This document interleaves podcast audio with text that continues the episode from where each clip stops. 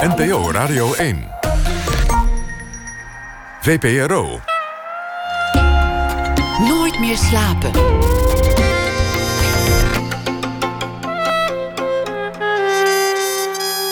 Met Pieter van der Wielen. Goedenacht en welkom bij Nooit meer slapen. Zometeen na ene komt Hans Aarsman op bezoek. Bekend als fotodetective, fotograaf en curator.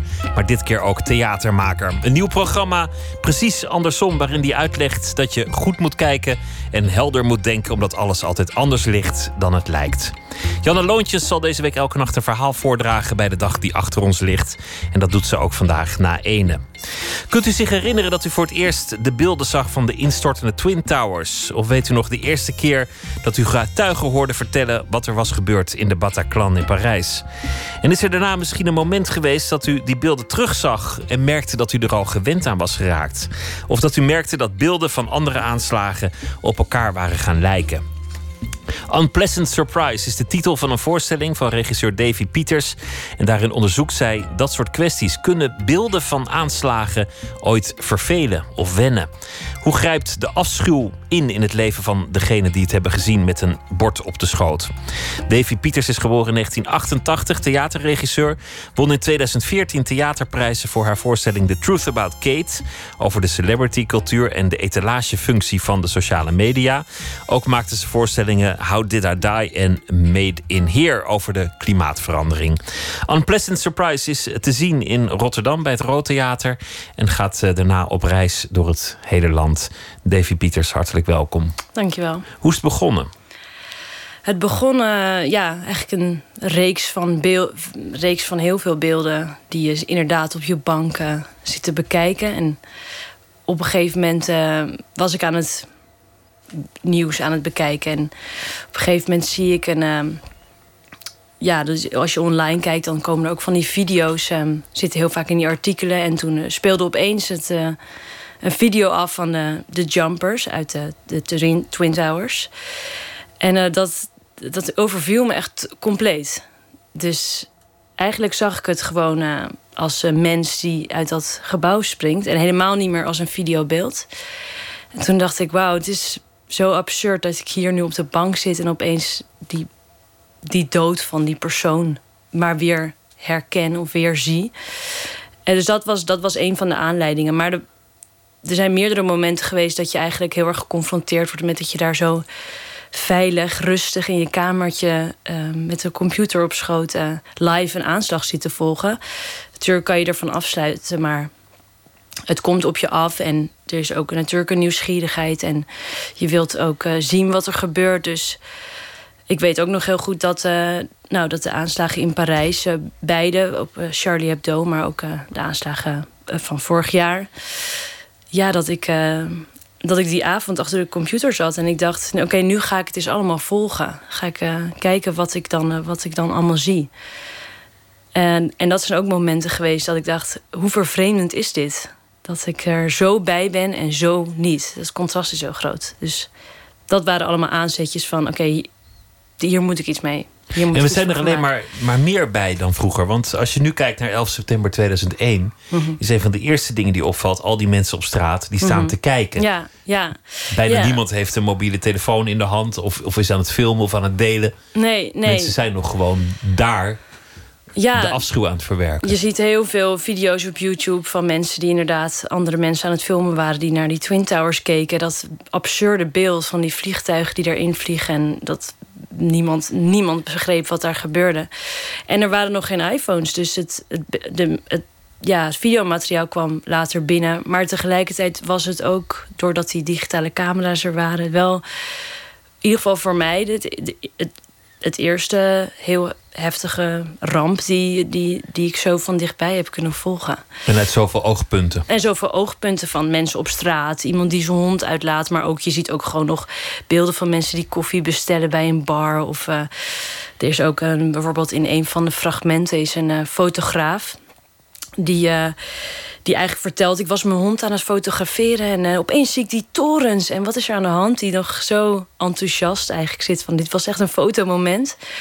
Dus zo uh, banaal ook. En, en, en tegelijkertijd reporters die die, die, die, um, die torens inrennen... en dat stof filmen. En ja, je was er ook echt overal, was je erbij. Ja. Vorig jaar was er de, ehm, de, de, vrouw van wie de man bij een verkeerscontrole ten onrechte werd doodgeschoten in de mhm. Verenigde mhm. Staten. ja. die, die man die, die had aangegeven dat hij een wapen had, wilde zijn rijbewijs pakken. Er was een soort misverstand en de agent schoot. En die vrouw die, die deed eigenlijk iets merkwaardigs. Die, die ging het live streamen op Facebook, waardoor heel veel mensen het live hebben gezien en, en de rest van de wereld achteraf de beelden heeft kunnen zien. Het, het wordt alleen maar directer. Ja, het is directer, maar het wordt is ook een. Dat we die, die iPhone zo gebruiken. Op zo'n moment is het ook een soort bewijsmateriaal. Of het laat zien uh, wat daar gebeurt. Wat een hele absurde situatie is. Dus het is ook niet. Uh, in zo'n situatie denk ik ook niet. Het is verkeerd. Het, het, het laat ook iets nieuws zichtbaar. Wat, wat normaal niet werd vastgelegd, zeg maar. Nu had ze een potem op te staan. En anders had ze misschien in de, in de rechtszaak. Ja, alleen maar dan, haar verklaring ja, gehad. Ja, ja, bijvoorbeeld dat, ja. Maar het blijft, het blijft natuurlijk gek dat je het laatste moment van iemand meemaakt. Uh, vast vereeuwigd in dat beeld op dat internet. Dat je dat, dat, ja, ik heb die video ook heel vaak gezien. Dat is uh, toch ook echt wel iets absurds of zo. En, uh, ja. Die fascinatie, daar gaat je voorstelling over. Mhm. het, het, het, begon bij het zien van mensen die springen en, en ineens dat je je realiseerde van god, dit, dit zijn mensen. Ik kijk naar iemands dood. Ja. Wat, wat, was de fascinatie waar je die voorstelling over wilde maken? Ik wilde eigenlijk, uh, ja, het begon van dat moment en eigenlijk dat ik dacht, um, er, er zijn zoveel beelden, de, de nieuwsstromen, die zijn echt exploderen. En uh, dus dat vind ik een, ja, fascineert me aan deze tijd. Dat je overal bij kan zijn en dat je ook heel erg gestuurd wordt in wat je ziet. Dat je eigen handelen op internet, wat jij opzoekt, dat dat, ook weer beïnvloedt wat jij weer terugkrijgt. Dus het is een soort van um, ja, een soort overwoekering aan informatie. Um, maar ja, dus, maar wat betreft op die geweldspelen, denk ik, ja, je krijgt een enorme hoeveelheid. Maar wat doet dat nou met ons als mens? Zeg maar, wat, wat gebeurt er in ons hoofd of wat gebeurt er in ons lichaam? Dat, ja, je herinnert je um, momenten of um, ja, het sterven van een persoon of al die mensen die, die, die maken, hebben een herinnering opgebouwd. Dus die, je onthoudt die terwijl je daar nooit bent geweest. En ik, ik geloof er wel in dat, dat, dat, dat, dat wat je ziet en wat je onthoudt toch ook weer vormt wie jij bent. En uh, daar zijn we misschien helemaal niet zo bewust mee bezig. Wat dat voor gevolgen heeft. Dat het ook uh, je heel angstig kan maken. Of dat, je, ja, dat het op een gegeven moment uh, triggert. Ik weet, ik weet nog van uh, toen, toen met Bataclan, toen ik dat heel erg had gevolgd. Um, dat ik een, uh, twee weken daarna naar een voorstelling van collega's ging in, in Antwerpen. En dat ik in die zaal zat en ik hoorde een ambulance en ik hoorde een deur dichtslaan. En uh, ik, ik zat, die films speelt zich af in mijn hoofd. Dus het is wel natuurlijk heel opmerkelijk dat je zo'n sterke herinnering al hebt aan iets waar je niet bent geweest, maar allemaal maar hebt gezien. Je bent getraumatiseerd terwijl je gewoon een, een bord spaghetti zat te eten op, op de bank uiteindelijk. Met, ja. met de tv aan, maar toch. Een, nou ja, getraumatiseerd, maar ja, het, het, het, heeft, het is ergens opgeslagen in je hoofd. En ik denk uh, dat, dat, dat, dat gegeven is heel sterk. Beelden zijn super sterk, werken heel sterk op ons in. Het is, ja, in sommige culturen is ook. Uh, proberen ze altijd beelden een beetje weg te houden van de mensen, omdat ze zo erg uh, op ons inwerken. We dromen ook in beelden en dus.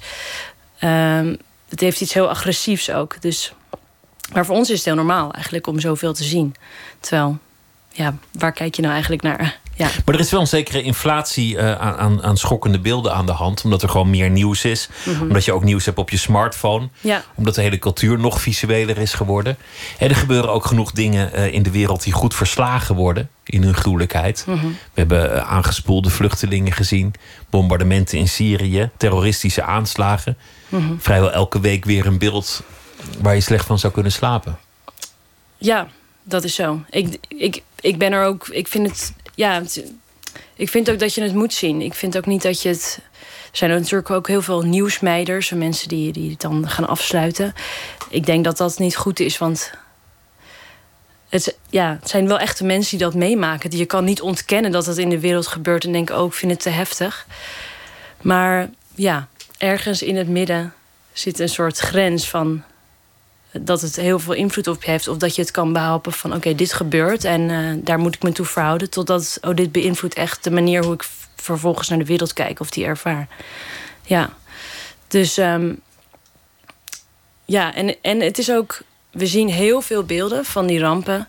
Maar je ziet ook heel veel dezelfde beelden. Het zijn altijd die 10 seconden fragmenten van iemand die getild wordt uit een gebouw. Uh, en iemand die uh, iemand in zijn armen heeft. Uh, het, zijn, um, het zijn beelden van um, lijken in een, in een onbekende ruimte. dus, en ook heel vaak gewoon um, mensen met een geweer die op iemand schieten of gewoon maar met een geweer rondlopen. Dus, en dat zie je dan vijf seconden. Dan kan je je soms wel afvragen: oké, waar, waar kijk je nou precies naar? Ja, dat, dat, want dat had ik heel sterk met uh. Ook, uh, ja, op, wat zie je als je gewoon vijf seconden de hele tijd herhaalt ziet dat iemand met een geweer over straat loopt en iemand schiet? Dan, wat voor informatie geeft dat? En dat, dat zijn wel beelden die heel veel worden herhaald. Ik geloof wel dat dat, dat een bepaald soort angst of, uh, in ons kan inboezemen. Ja. Je, je, je, hebt het werkelijk onderzocht voor je voorstelling. En dat, dat doe je onder meer door um, die beelden te bestuderen. Mhm. Die laat je naspelen door acteurs. Maar met weinig tekst. Het is bijna mime. Het, het houdt het midden tussen mime en dans. Het is een heel fysieke voorstelling. En je herhaalt steeds in een loop een getuigenverslag of, of, een, of een andere scène. Hoe heb je dat aangepakt? Want je bent eerst gewoon beelden gaan zoeken en toen eindeloos lang dat opnieuw gaan kijken? Ja, dat heb, heb ik heel veel gedaan. Heel veel, uh, heel veel video's bekeken, heel veel foto's. En, uh, en daar ook uh, onderzocht van wat, ja, wat, komt nou overeen. Wat ik net al noemde, van die mensen uit het gebouw worden getild. Maar ook de nieuwsverslaggevers die daarover praten en dingen aanwijzen. wat we hebben gedaan is eigenlijk dat we ik vertrok eigenlijk van oké, het perspectief van de kijker, van die persoon die op die bank zit. Uh, wat, wat ziet hij nou? En als we dat nou eens gaan naspelen. Dus niet. Het is anders dan dat je zegt: oké, ik verplaats me in die situatie. Uh, van uh, ja, zo, zo laat. En uh, dat is er gebeurd. Maar je probeert echt na te spelen wat je ziet. En daardoor krijg je een bepaald soort, uh, soort digitale vertaling in dat fysieke lichaam. Um, van die beelden. En, um, en de, er wordt heel veel herhaald, inderdaad. Maar dat, ja, we probeerden te zoeken naar. Um, dat, dat heeft ermee te maken dat uh, je ook heel veel van diezelfde soort beelden ziet. Dus dat, dat, het was een onderdeel van het kijken dat je heel vaak. Uh, ja, als je dingen op internet. Dat, je, ja, dat het zich herhaalt. Uh, dat, dat de onderwerpen of de slachtoffers of de soort mensen, wat er dan gebeurt, zich herhaalt. Dat het vaak dezelfde beelden zijn. Tegelijkertijd vertrokken we ook heel erg van uh, dat kijkgedrag. Dat je op je Facebook-wall of op je nieuwswall uh, steeds meer datzelfde filmpje weer ziet uh, openspringen.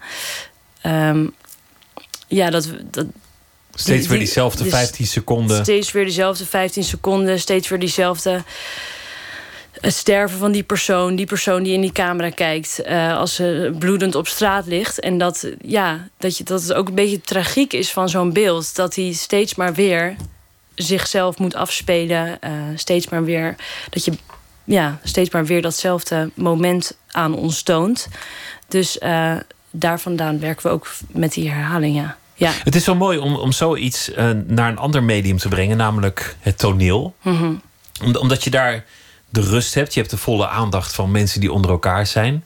En je brengt het in een totaal andere context waar ook een zekere bezinning en intimiteit heerst. Mm Die je op het internet niet hebt. Ja, ja ik, dat is gewoon zo, zo mooi aan theater. En dat je daar um, ja, anderhalf uur lang, of nu een uur en een kwartier is de voorstelling, maar ja, dat je gezamenlijk in een ruimte zit met echte lichamen en echte mensen. En dat de, de telefoons uit zijn, de schermen zijn weg.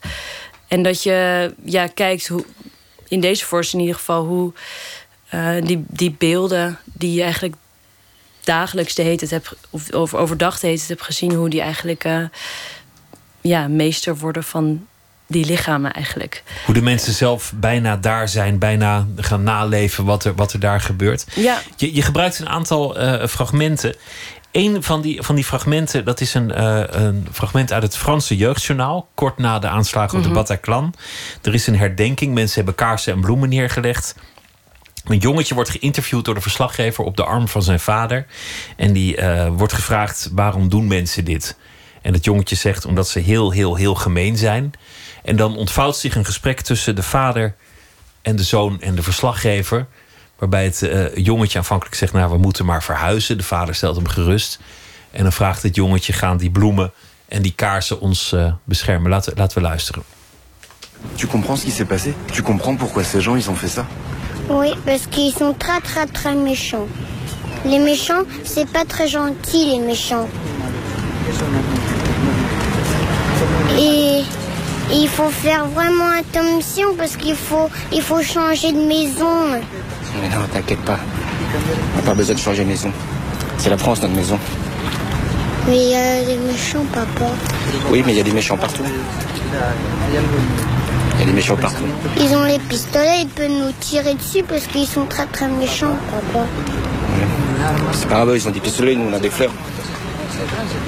Bah les fleurs, ça fait rien, c'est pour, c'est pour, c'est pour. euh, Si, regarde, tu vois, tout le monde pose des fleurs. Oui. C'est pour combattre les pistolets. C'est pour, c'est pour protéger. Voilà. Et les bougies aussi. C'est pour ne pas oublier les gens qui, se, qui sont partis. hein.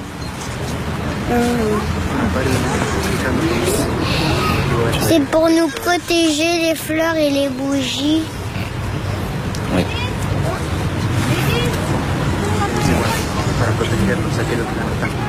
Ça va mieux du coup? Oui, ça va mieux. En uiteindelijk eh, liegt de vader tegen het kind, zoals je tegen kinderen nou eenmaal liegt. Ja, de bloemen en de kaarsen zullen ons beschermen. En dan is het eh, jongetje toch eh, gerustgesteld. Niet, Ja. on- niet ondertiteld, maar ik denk dat de strekking wel ongeveer te volgen was. Misschien ook niet, maar nou ja, vooruit.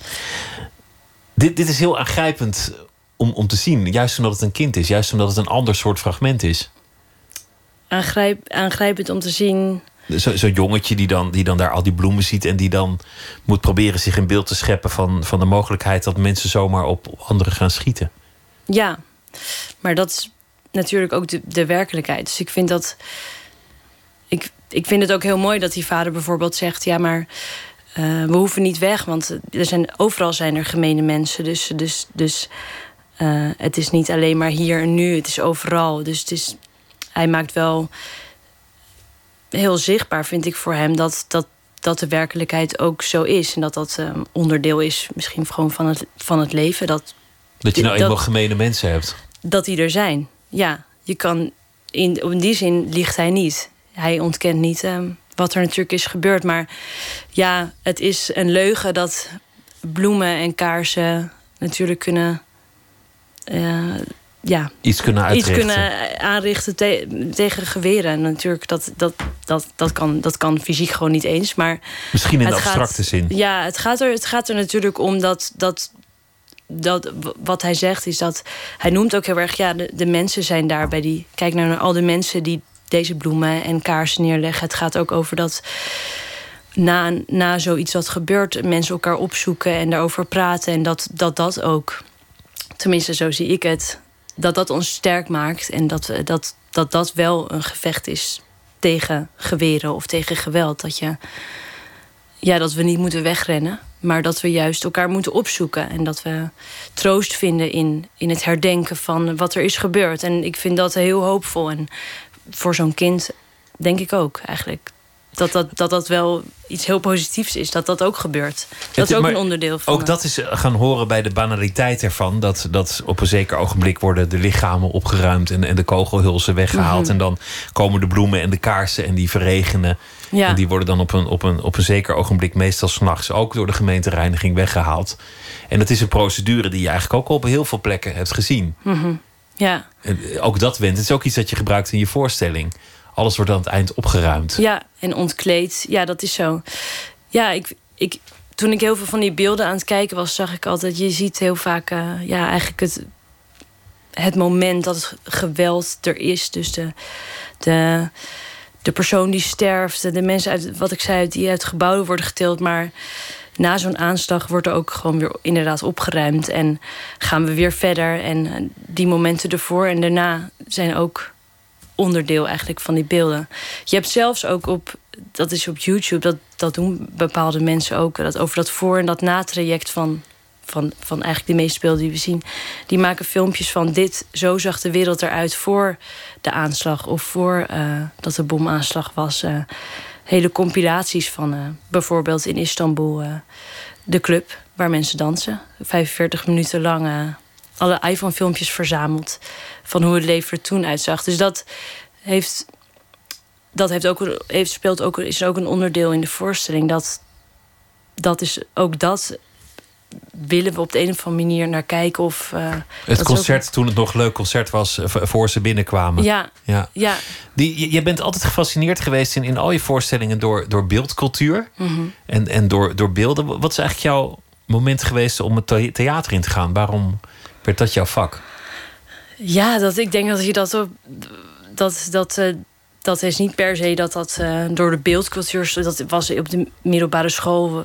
Ben ik in, daarmee in aanraking gekomen. En dat heeft me ontzettend. Uh, ja, is me, dat, die vorm is me zo gaan fascineren. Dat je in een ruimte met mensen. En al je eigen wetten en regels kan maken. Dat je iets kan onderzoeken, totaal op je eigen manier. Zonder dat je vastzit aan dat iemand je vertelt hoe je iets moet onderzoeken. Je wilt de baas zijn. Je wilt de baas zijn, je wilt het construeren. Je wilt uh, ook mensen sturen om op een bepaalde manier te kijken. Of een blik openen. Dat, dat je dat kan doen met deze vorm. En daarom heb je ook regie gekozen, omdat je heer en meester wil zijn in dat theater? ja, ik denk het wel. Ja.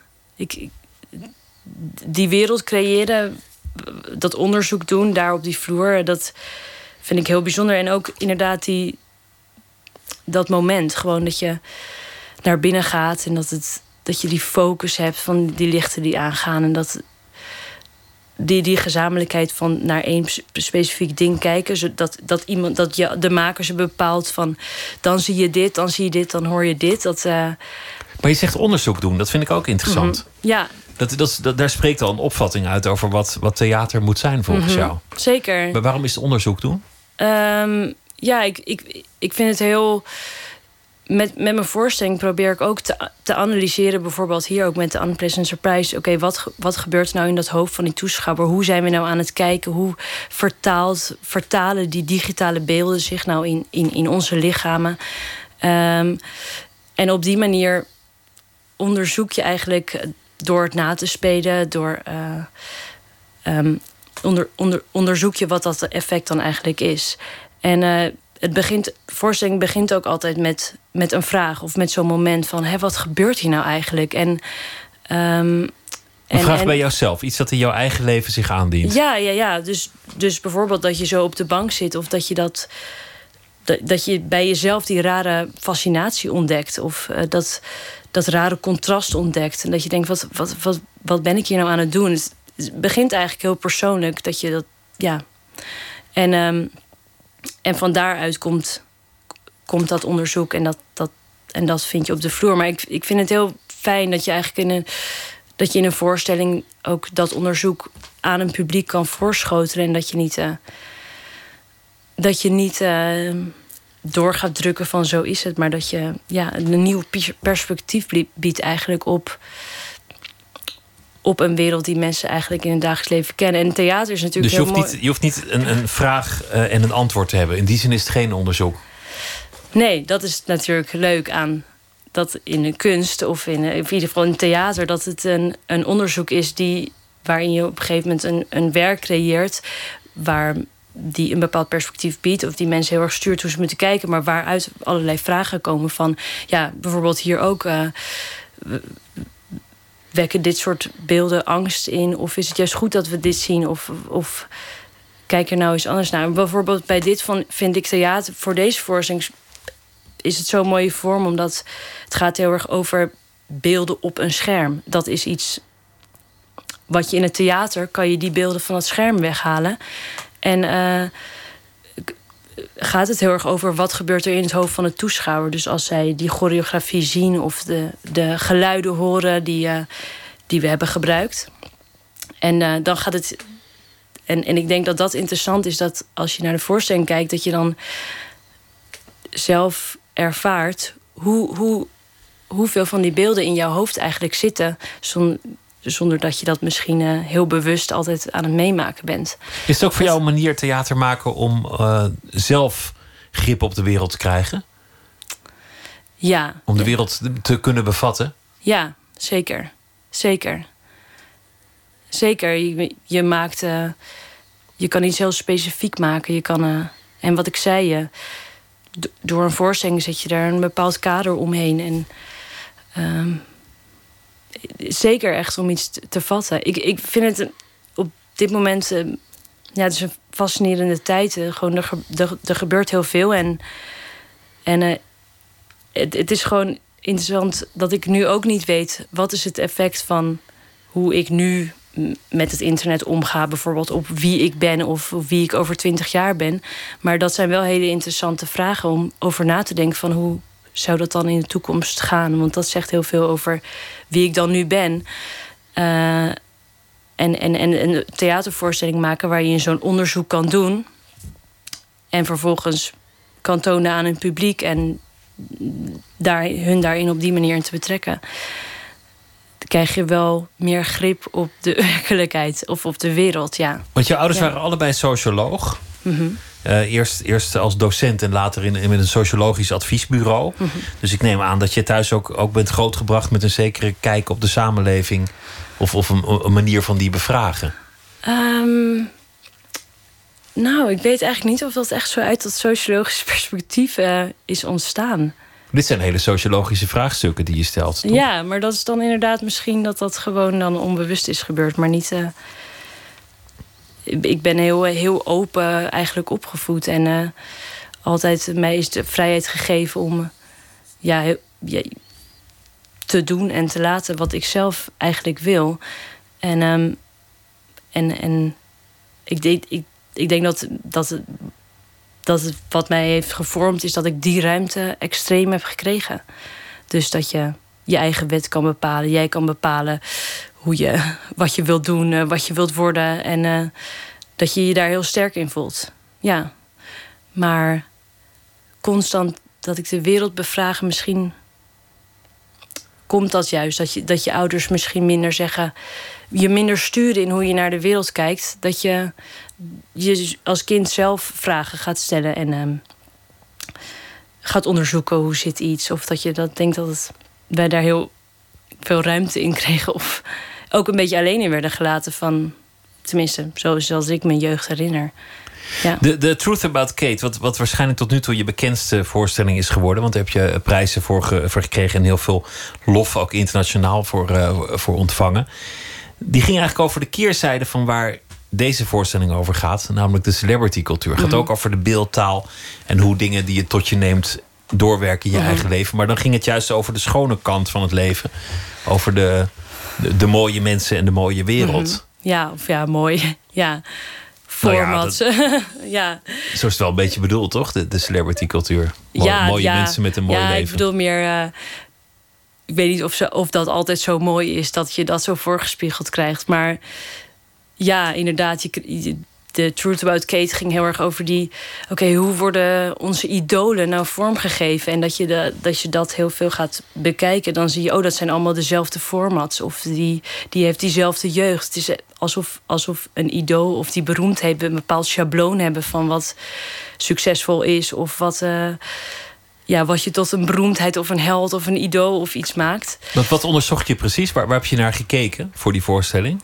We hebben onder, ik heb onderzocht van ja, wat, zijn die, wat zijn die formats eigenlijk? Of hoe, hoe worden mensen in beeld gebracht? En uh, heel, heel erg daarnaar gekeken. Dus dat, en um, wat, ge, wat gebeurt er dan precies in zo'n interview? En eigenlijk de vorm die daaruit is gekomen is een vrouw die um, de documentaire eigenlijk van haar eigen leven gaat spelen. Um, en over zich praat alsof ze al gestorven is. Dus eigenlijk alle mensen die haar ooit hebben gekend, die over haar praten. En dat was een heel mooi geraamte om eigenlijk een soort, uh, ja, soort mozaïek te maken van al die van al dat soort formats en hele typische interviewers. Uh, Want je, je hebt gekeken naar allemaal documentaires zoals je ze ziet op MTV, maar ook op andere kanalen. Ja. Over Beyoncé en, en Miley Cyrus en, en, en anderen. The truth about Miley Cyrus, the truth about Beyoncé, the truth about uh, Bob Dylan. Ja, en, en, en um, het gaat heel erg over dat, dat de manier waarop die mensen in beeld worden gebracht lijken alsof ze allemaal een beetje hetzelfde leven hebben met uh, een rottige jeugd. Toch wel inspirerend, opeens ontdekt worden. En, en um, nou ja, dan gaat het heel goed. En dan winnen ze prijzen. En ja, alsof dat een soort schabloon is van succes. Terwijl dat is. Uh, ik denk dat dat een heel erg ABC-verhaaltje is van een heel lineair, bijna aristotelisch drama eigenlijk, zeg maar, van, van hoe. Um, uh, van, ja, van een persoonlijkheid. Maar dat is misschien niet hoe de werkelijkheid eigenlijk is. En Kate in, de, in die voorstelling, die, die doorleeft eigenlijk dat hele, dat, hele, dat hele scala aan van geboren worden tot het eindigen als ster. Maar je kan je wel heel erg afvragen: wie ben je dan nog? Maar het interessante aan wat je zegt is dat, dat iemand een leven leeft. En dat er tegelijk al een soort reflectie op dat leven plaatsvindt in biografische zin. Dus dat de geschiedschrijving live plaatsvindt door iemand zelf. Mm ja. Dus je, je, je, loopt niet alleen naar de bakker, maar je, je, bent al in je hoofd bezig, of misschien al met een cameraploeg van het moment dat hij naar de bakker liep, werd het heel bijzonder. Ja. En dat is natuurlijk wat, wat heel veel mensen nu doen dat mensen permanent bezig zijn met te leven door ogen van anderen. Ja, en ook uh, inderdaad dat hele zelfreflectieve. Dus je bent de hele tijd eigenlijk je eigen, door die, ook door social media, je eigen leven zo aan het anseneren. En uh, dit ben ik nu aan het doen. Of uh, hoe moet ik dit in beeld brengen? Hoe moet ik dit in beeld brengen? Dat ze zo ongelooflijk aan het vormgeven zijn. ja, je hebt eigenlijk een film van jezelf die ook nog ergens afspeelt. Die je ook af en toe voedt. En ja, vind ik wel fascinerend. Vind ik echt ook heel, heel grappig hoe dat wordt gedaan. Is dat iets wat, in jouw eigen leven ook speelt? De, hoe, hoe ik mezelf in, in beeld breng. Ja, betrap je jezelf daarop? Um, ja, je denkt natuurlijk sowieso wel na... oké, wat, wat zet ik op mijn Instagram of iets natuurlijk. Daar denk ik wel over na. Maar dat heeft ook te mee, te maken dat je theater maakt... en dat je, dat je de, je voorstelling in beeld brengt. Maar het is minder een uh, groot onderdeel van mijn leven dat ik daar heel eh, veruiterlijkt ook goed uh, in beeld sta of iets. Dat, dat heb ik dan niet. Maar ja, het is, ik ben, het is heel ijdel natuurlijk om, om, dat, om dat zo de hete te tonen. Maar ik vind dat dan ook wel, ben dan zo nieuwsgierig naar dat soort of Instagram-sterren of uh, vlogsterren, zeg maar, die op de een of andere manier die grens die is daar niet. Ijdelheid is gewoon, dat is gewoon heel normaal. Dat je je zo de hele tijd maar in beeld brengt. Dat, ik, heb, ik, ik denk dat ik me daar, daar te gênant voor voel eigenlijk. Ja, op de een of andere manier. Ja. Dat, zou, dat zou je generen. Maar het is, het is ook vaak dat iemand een, een glamourleven leidt voor het oog van de camera. Mhm. En dan een, een interview later zegt van ik heb een hele lange depressieve periode achter de rug. Waardoor al het voorgaande is gelogen. Maar die ontboezeming maakt het alweer goed. Het is dan weer nieuwe stof voor aandacht. Ah ja, ja. Ja. Ik, toch fascinerend. Ja, fascinerend, ja. Maar ja, en ook wel leuk toch? Dat je. Dat je. Dat, je, dat, je het, dat het zo maakbaar ook is je identiteit. Dat je drie verschillende personen kan zijn op internet. Dat je dat ook allemaal weer kan deleten. Dat je het dat je jezelf in een verhaallijn kan plaatsen. Dat, dat, dat kan allemaal gewoon nu. Ik denk, en dat je je ook weer helemaal van het internet kan onttrekken. Dat je jezelf kan, ja, kan uh, laten verwijderen. Ik, ja, de mo mogelijkheden zijn eindeloos. Wat dat betreft. Maar het is ook een illusie, niet... want het is de illusie dat je ertoe doet. Uiteindelijk ben je een zandkorrel in de woestijn. Nou Toch? Ja, je doet er helemaal niet toe. Maar bedoel, hoezo, hoezo zou je er niet toe doen als stel, de, stel dat jouw in, internetidentiteit ongelooflijk groot is, dat is toch ook een onderdeel van jouw identiteit. Dat ben je ook. Je virtuele aanwezigheid, dat is gewoon. Jawel, maar over honderd jaar weet niemand dat je, dat, je, dat je bestaan hebt. Tenzij wanneer je Mozart bent of Beethoven, maar dat is heel uitzonderlijk, toch? Er zit zo'n onbescheidenheid in, in, al die, in al dat gepost en al dat ge, ge maar ik vraag me wel. Oh ja, ja, dat denk ik. Maar als je het echt hebt over die, die video's of, of over beelden, die, die. Ik denk dat het internet heel erg veel voor ons aan het onthouden is. Dus als je het zegt, ja, over 100 jaar weet niemand dat jij nog hebt bestaan. Ik denk dat juist we straks weten dat iemand heeft bestaan, omdat, dat, omdat we nu computers hebben die alles voor ons kunnen opslaan. Er wordt bijna. Maar, maar zal het niet zo net zo zijn als een zachte floppy, dat die nergens meer in past? Dat, dat, dat, het, dat, het, dat het gewoon niet meer afleesbaar is? Ehm, ja, ik weet niet hoe dat allemaal technisch. Ja, Hoe snel dat gaat? hoe snel dat gaat, maar ik denk dat, dat, er, dat er heel veel opgeslagen bij. Dat is toch ook. Dat is en he- heel mooi, maar ook een beetje de tragiek vind ik altijd van die beelden. Dat mensen. Ja, je bent vereeuwigd op het internet in dat specifieke moment. Ik vind dat iets. eh, ja, tragisch, maar ook.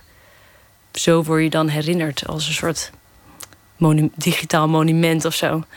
Ja. Die, die ene man met het gekke hoedje op die ene dag die niet door had. Dat, nou ja, wa- wat het ook is. Heb jij het idee, heb jij het idee als theatermaker dat je, dat je deel uitmaakt van een generatie? Ehm, ja, ik denk, ja, wel een. eh, ik denk dat we wel een generatie zijn die de, de manier hoe ons wereldbeeld wordt gevormd, wel de hele tijd heel erg bevragen in ons werk. En, eh, en, en dat we ook heel ehm, multidisciplinair zijn. Dat we. Dat Film we- gebruiken op theater. film en- gebruiken op theater. ehm, heel erg eh, nieuwe muziek gebruiken in onze voorstelling. En, en wat ik ook bijvoorbeeld wel typerend vind, is dat, dat, we, dat we heel makkelijk dingen samplen, zeg maar, kopiëren. Dat we heel eenvoudig andermans werk, filmpjes, eh, ja, filmtechnieken, dat we dat zo kunnen gebruiken. Dus zeg maar, we, tenminste, ja, we, het is een, denk ik wel een nieuwe vorm dat we met alles wat er nu is of gemaakt wordt, of dingen die andere mensen hebben gemaakt, daar dingen van pikken eigenlijk. En dat, en dat vormt weer iets nieuws. Ik vind dat iets heel erg van deze tijd. Dat het niet per se gaat over ehm, de, de originaliteit van iets nieuws creëren, maar juist de originaliteit van wat ga je doen met alles wat er nu is. En dat je daar. Alles, die, die hele catalogus aan vormen die er is, dat is een gegeven. En daar ga je En op daar, voortbouwen. Ja, of daar, daar, te- daar te- eh, trek je dingen uit of die, die in die vorm je weer samen. Dat is wel. We zijn, ja. We zijn denk ik heel erg op zoek naar die veelheid steeds een beetje te ordenen, weet je wel? Of eh, grip te krijgen, inderdaad, op, op, op een veelheid aan beelden, informatie of vormen, disciplines. Het loopt, loopt zoveel door elkaar. En ik denk dat, dat, ehm, dat we wel nu, onze, mijn generatie, denk ik wel, ja, kunstvormen, dat, dat je dat gebruikt om dat, dat, dat herordenen te doen. Of iets nieuws te creëren uit alles wat er al is. Want jij Ja. bent van 1988. Ik, ik ging afgelopen week aan de kijken. En ehm, er komt echt jong publiek op jouw eh, voorstelling af. De, de, de naam Davy Pieters is toch een naam die, die jonge mensen naar theater krijgt inmiddels. Ja, dat is echt geweldig. Dat is, dat is ja, ik vind, ik vind dat, dat is echt zo. En ik, ik vind dat heel leuk en opmerkelijk. En ook, we hebben ook wel eens gekeken, er komen ook heel veel mensen die nooit eerder naar theater gingen. Die dan heel vaak, ook, ook via bijvoorbeeld de muziekkant of via de onderwerpen, denk ik, naar die voorstellingen komen. Het heeft toch wel veel links met, eh, ja, met, met vormen of met onderwerpen die, waar mensen sowieso, denk ik, mee bezig zijn. Maar ehm, ja, ehm, wat zou ik nou zeggen? Eh, ja, dat, dat eigenlijk. En De thema's spreken aan en daarom komen ze. Mhm. Het is heel visueel, weinig tekst. Zeker in die laatste voorstelling wordt, wordt, wordt een- nauwelijks echt een woord gesproken. ja, Dat, dat is misschien iets. Die generatie, jij bent van 88. Dat, dat worden, dan ben je echt een millennial. Hè? Dan zijn allemaal namen daarvoor. Ik weet niet hoe, hoe strikt Mhm. die, die grenzen labels. En, eh, precies lopen tussen, tussen X en Y en Ja. generatie Z. En eh, de 9-11 generatie, dat is dan alweer na jou. Het zijn Mhm. natuurlijk strikt ook helemaal geen generaties. Voel jij in die zin een verwantschap? Heb jij het idee dat je, dat je met een bepaalde thematiek worstelt die generatie eigen is? ja, wat ik zei, hoe, hoe ga je om met de veelheid? De Hoe veelheid van alles, van- de, de mogelijkheden, de beelden. De mogelijkheden, de beelden, de informatie. Eh, hoe, hoe ga je om met het feit eh, dat waar jij geboren is een, een veilige, veilig land is of een veilig deel. En, en dat, er, dat je merkt of ziet ook dus in die nieuwsbeelden dat overal in de wereld eh, brandhaarden zijn. Hoe ga je daarmee om? Hoe ga je om met, met die rijkdom eigenlijk? Eh, en tegelijkertijd, eh, hoe, hoe ga je om met dat, dat bijna, ik denk wel, de helft van de tijd dat je die je besteedt dag online is. Gewoon met dat, dat die virtuele identiteit die steeds groter wordt, die steeds een verlengstuk begint te worden van, van onszelf. Dus ik denk dat dat, dat zijn zeker thema's waar, waar iedereen mee zit. En ehm, Want jouw Ja. generatie is echt opgegroeid met, met het internet. Mhm, Want je ja. was een, een jaar of zeven toen je ouders een computer kochten. En een jaar, of, telefoon, zo'n grote was het. een jaar of tien toen je vader eh, achter de modem eh, met, met veel gepiep en gekraak eh, ging inloggen. ja. Je was 13 toen 11 september plaatsvond. Dus dat zijn allemaal dingen die voor die generatie veel, veel normaler zijn. Mhm. De laatste tijd lees ik heel veel beschouwingen over, over generaties. Omdat de, de 9-11 generatie die mag voor het eerst stemmen. En, en die blijken weer andere keuzes te maken. En, of die gaan niet, want, want die, die hebben er gewoon niks mee. Dat is ook weer een thema dat je Mhm. leest. En van de millennials wordt gezegd... nu komen de echte uitdagingen. Nu moet die generatie aan de bak. Nu, nu is het niet meer voldoende om iets al dan niet leuk te vinden op Facebook... of een petitie te tekenen. Nee, dat, Hoe, hoe zie jij dat? Nou, ik denk dat dat er inderdaad ook niet. Nee, dat je zomaar iets like op Facebook is zo'n ontzettend passieve houding. Ik denk dat we. Nee, ik zie, ik, ik zie het heel erg ook in dat we in actie komen. Of dat we de, de, de, de wereld ehm, willen veranderen. Of in ieder geval vorm willen geven. Of willen sturen. En dat, ik voel dat wel heel sterk in de mensen om me heen. En ook gewoon dat dat ja, dat het passieve liken, dat is zo ongelooflijk betekenisloos. Dus, dus ik denk dat we heel erg zoeken naar ehm, noodzaak gewoon. En eh, noodzaak en, en eh, gewoon die, dat je denkt, er is zoveel, we hebben zoveel in handen, dus laten we, we gaan daar ook iets mee doen. En dat je ook vindt dat je dat moet doen, denk ik. Dus ja, ik, ik herken me heel erg in de, de meer de, de, de, de actieve houding van, eh, van mijn generatiegenoten. Ja. Maar dat is dan nog best moeilijk wa- wat je moet doen. Ik bedoel, welke, welk paleis je precies moet bezetten... en, en welke, welke stoel je precies omver moet werpen. ja, maar dat is misschien toch voor iedereen is dat dan weer anders. Maar er zijn, er zijn best wel grote uitdagingen nu in de wereld. Dat, eh, dat heeft te maken met eh, ehm, de, ja, de explosie van het internet, wat ik net al beschreef. Maar ook onderwerpen als klimaatverandering. Dat, dat zijn wel echt, heb ik het idee dat, dat zijn wij zijn nu wel aan zet om daar gewoon ook in. eh, In actie in door te, vechten. En, dat, eh, en ook, eh, ik denk dat, dat het ook to- heel tof is dat we, ja, we, we denken dat we onze samenleving wat beter snappen of wat er gebeurt. Dat we nu gewoon alles in handen kunnen pakken om daar mee aan de slag te gaan. Over Ja. klimaatverandering maakte je een, een voorstelling. En, en de strekking daarvan was eigenlijk bijna tegenovergesteld. Namelijk dat, dat de informatie er wel is. En, en we de beelden misschien ook wel zien. Mhm. Maar, maar dat we dan uiteindelijk toch niet in beweging komen. Iedereen kijkt toe. Het, het is Ja. een breed aanvaarde conclusie dat er iets moet gebeuren. Maar er beweegt zo weinig. Ja, ja, ik maakte eigenlijk twee voorstellingen de- o- o- daarover. Medeneer en Reenactment of the Now. En eh Medeneer ging heel erg over dat eh, we inderdaad goed willen doen. Ons leven willen verbeteren of groener willen zijn. En dat je dan eh, in een bepaalde markt terechtkomt van regels. En dan moet je to-do-lists en producten die je dan moet kopen. En dat, toen dacht ik, ja... Wat, wat, wat, voor wereld wordt er nou vormgegeven waar je dan maar in moet passen? Ze als van, oh, als ik dan dit doe, dan doe ik het goed of zo. En eh Medeneer ging daar heel erg over dat ik dat ik dat. Ja, dat ik dacht, oké, wat is nou. eh, wat zijn nou de lessen van deze tijd? Of toen hebben we 88 wenken voor een beter leven maar eens opgeschreven. En dat werd toen die voorstelling. Maar het, die voorstelling was ja, grappig. Het was, was, het was eh, veel zelfspot, denk ik. En, en, ehm, maar ook best wel cynisch op een manier van: oké. vaak komen mensen uit die voorstelling en denken van ja, maar ik wil zo graag beter voor deze wereld zijn. Maar als ik dit dan ook al niet kan doen, wat kan ik dan doen? En dan kom je in die valkuil terecht van ja, oh, er is zoveel en alles, ik vertrouw niks meer. En toen dacht ik, oh, als je echt wil dat, dat, dat mensen zich toch echt geïnspireerd voelen, dan heb je toch iets anders nodig dan, dan zo'n harde kleur. Maar het, het hele goede doen, en dat, dat zat volgens mij ook wel in die voorstelling, het kan ook leiden tot een, tot, tot een bijna dictatuur.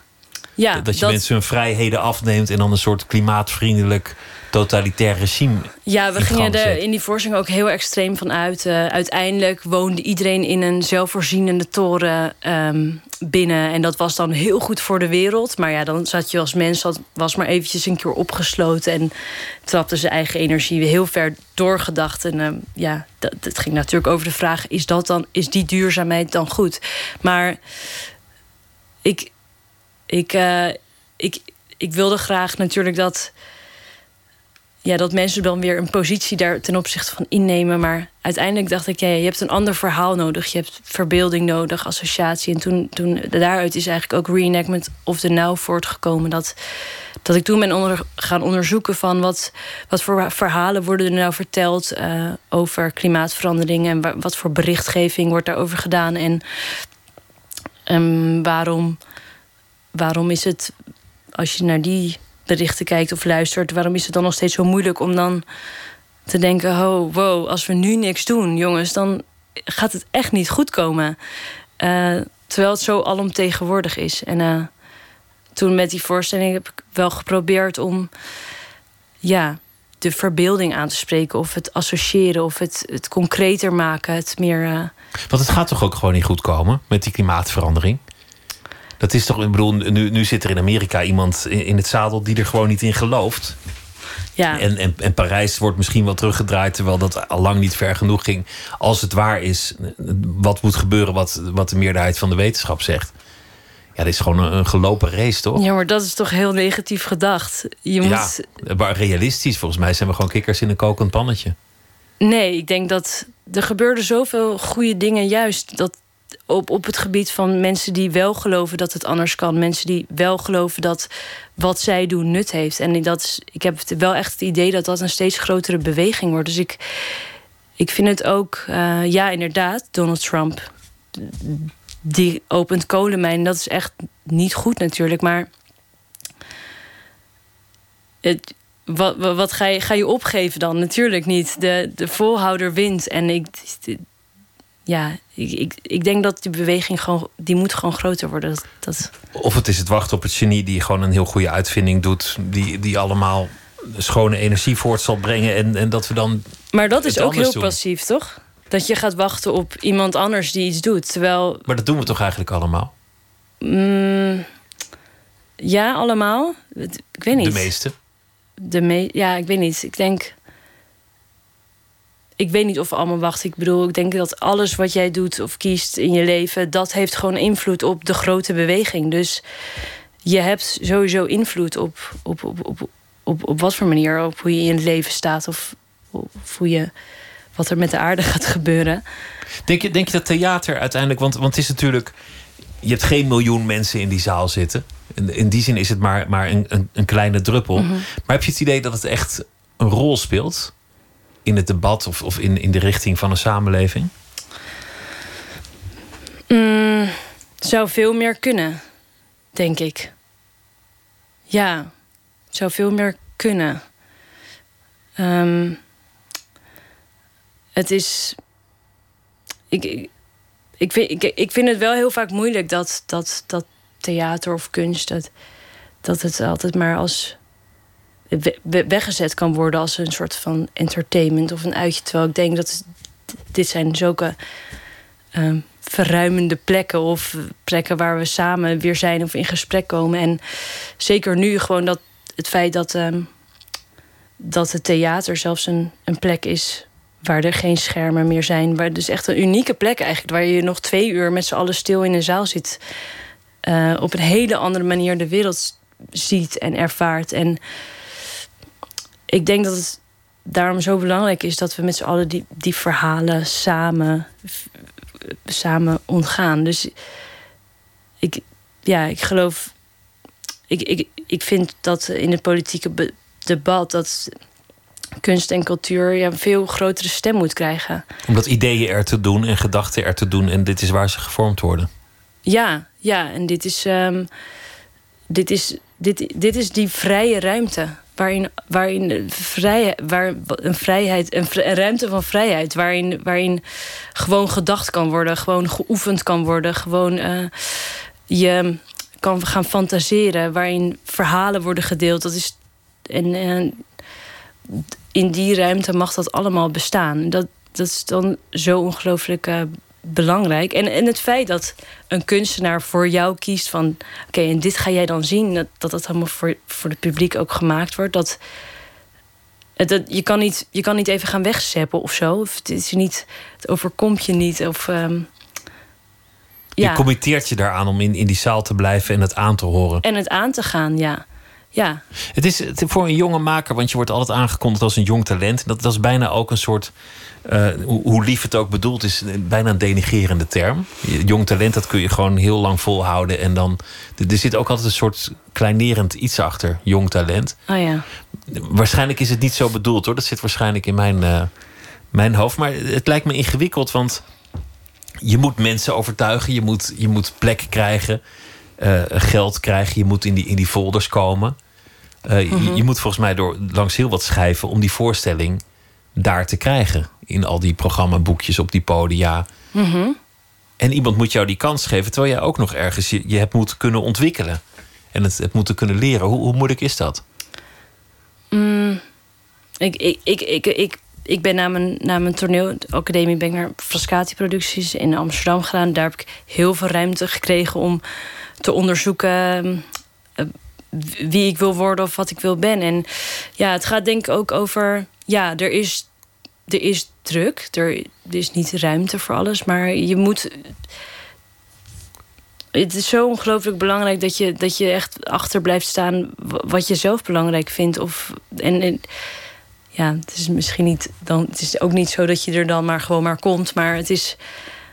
Ik, als je maar steeds je eigen nieuwsgierigheid en onderzoek volgt, dan, en als je daar mensen in meekrijgt, dan, dan, dan rechtvaardigt het sowieso dat het werk het mag, er mag bestaan.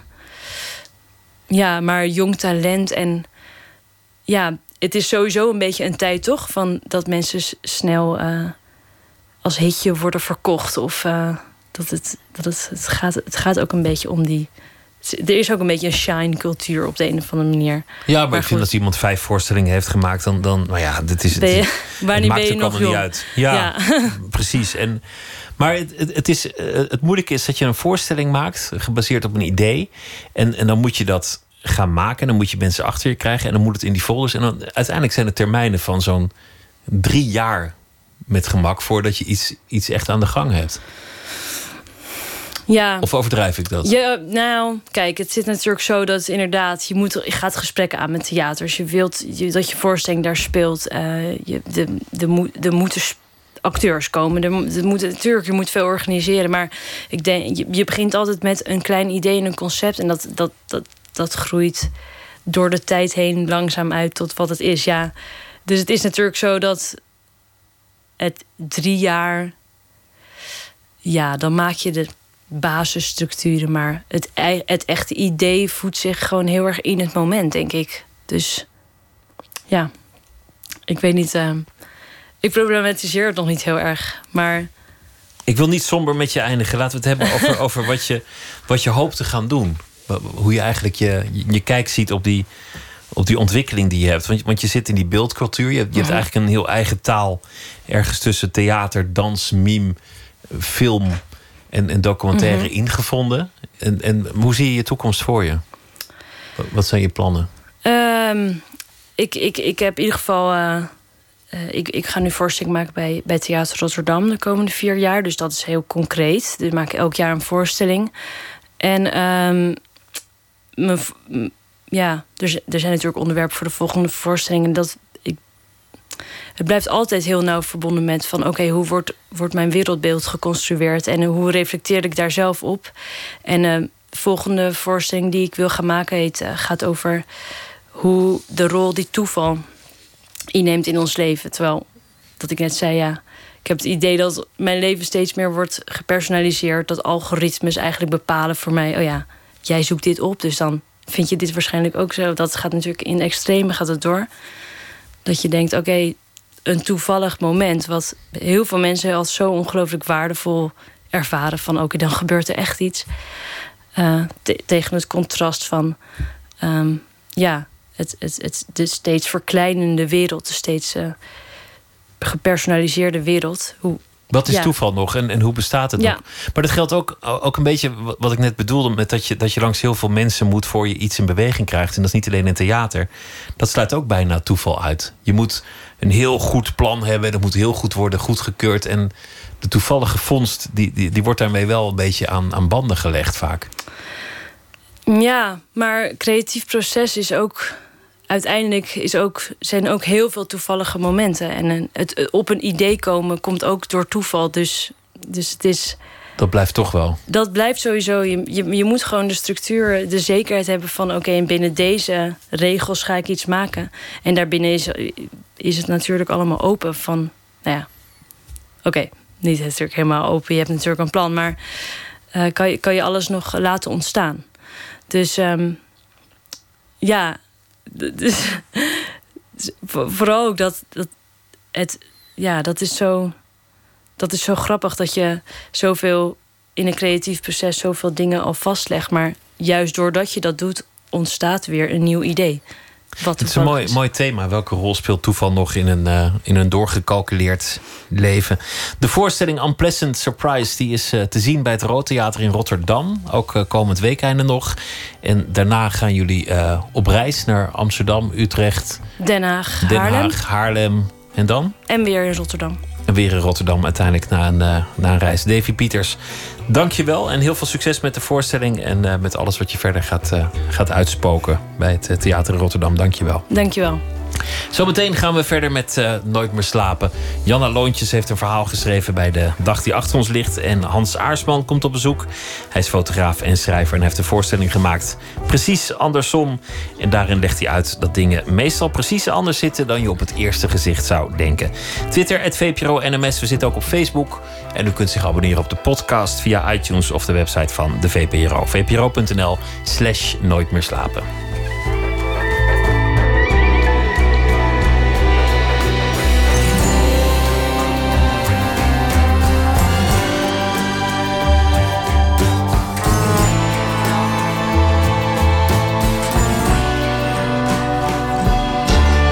Radio 1, het nieuws van alle kanten.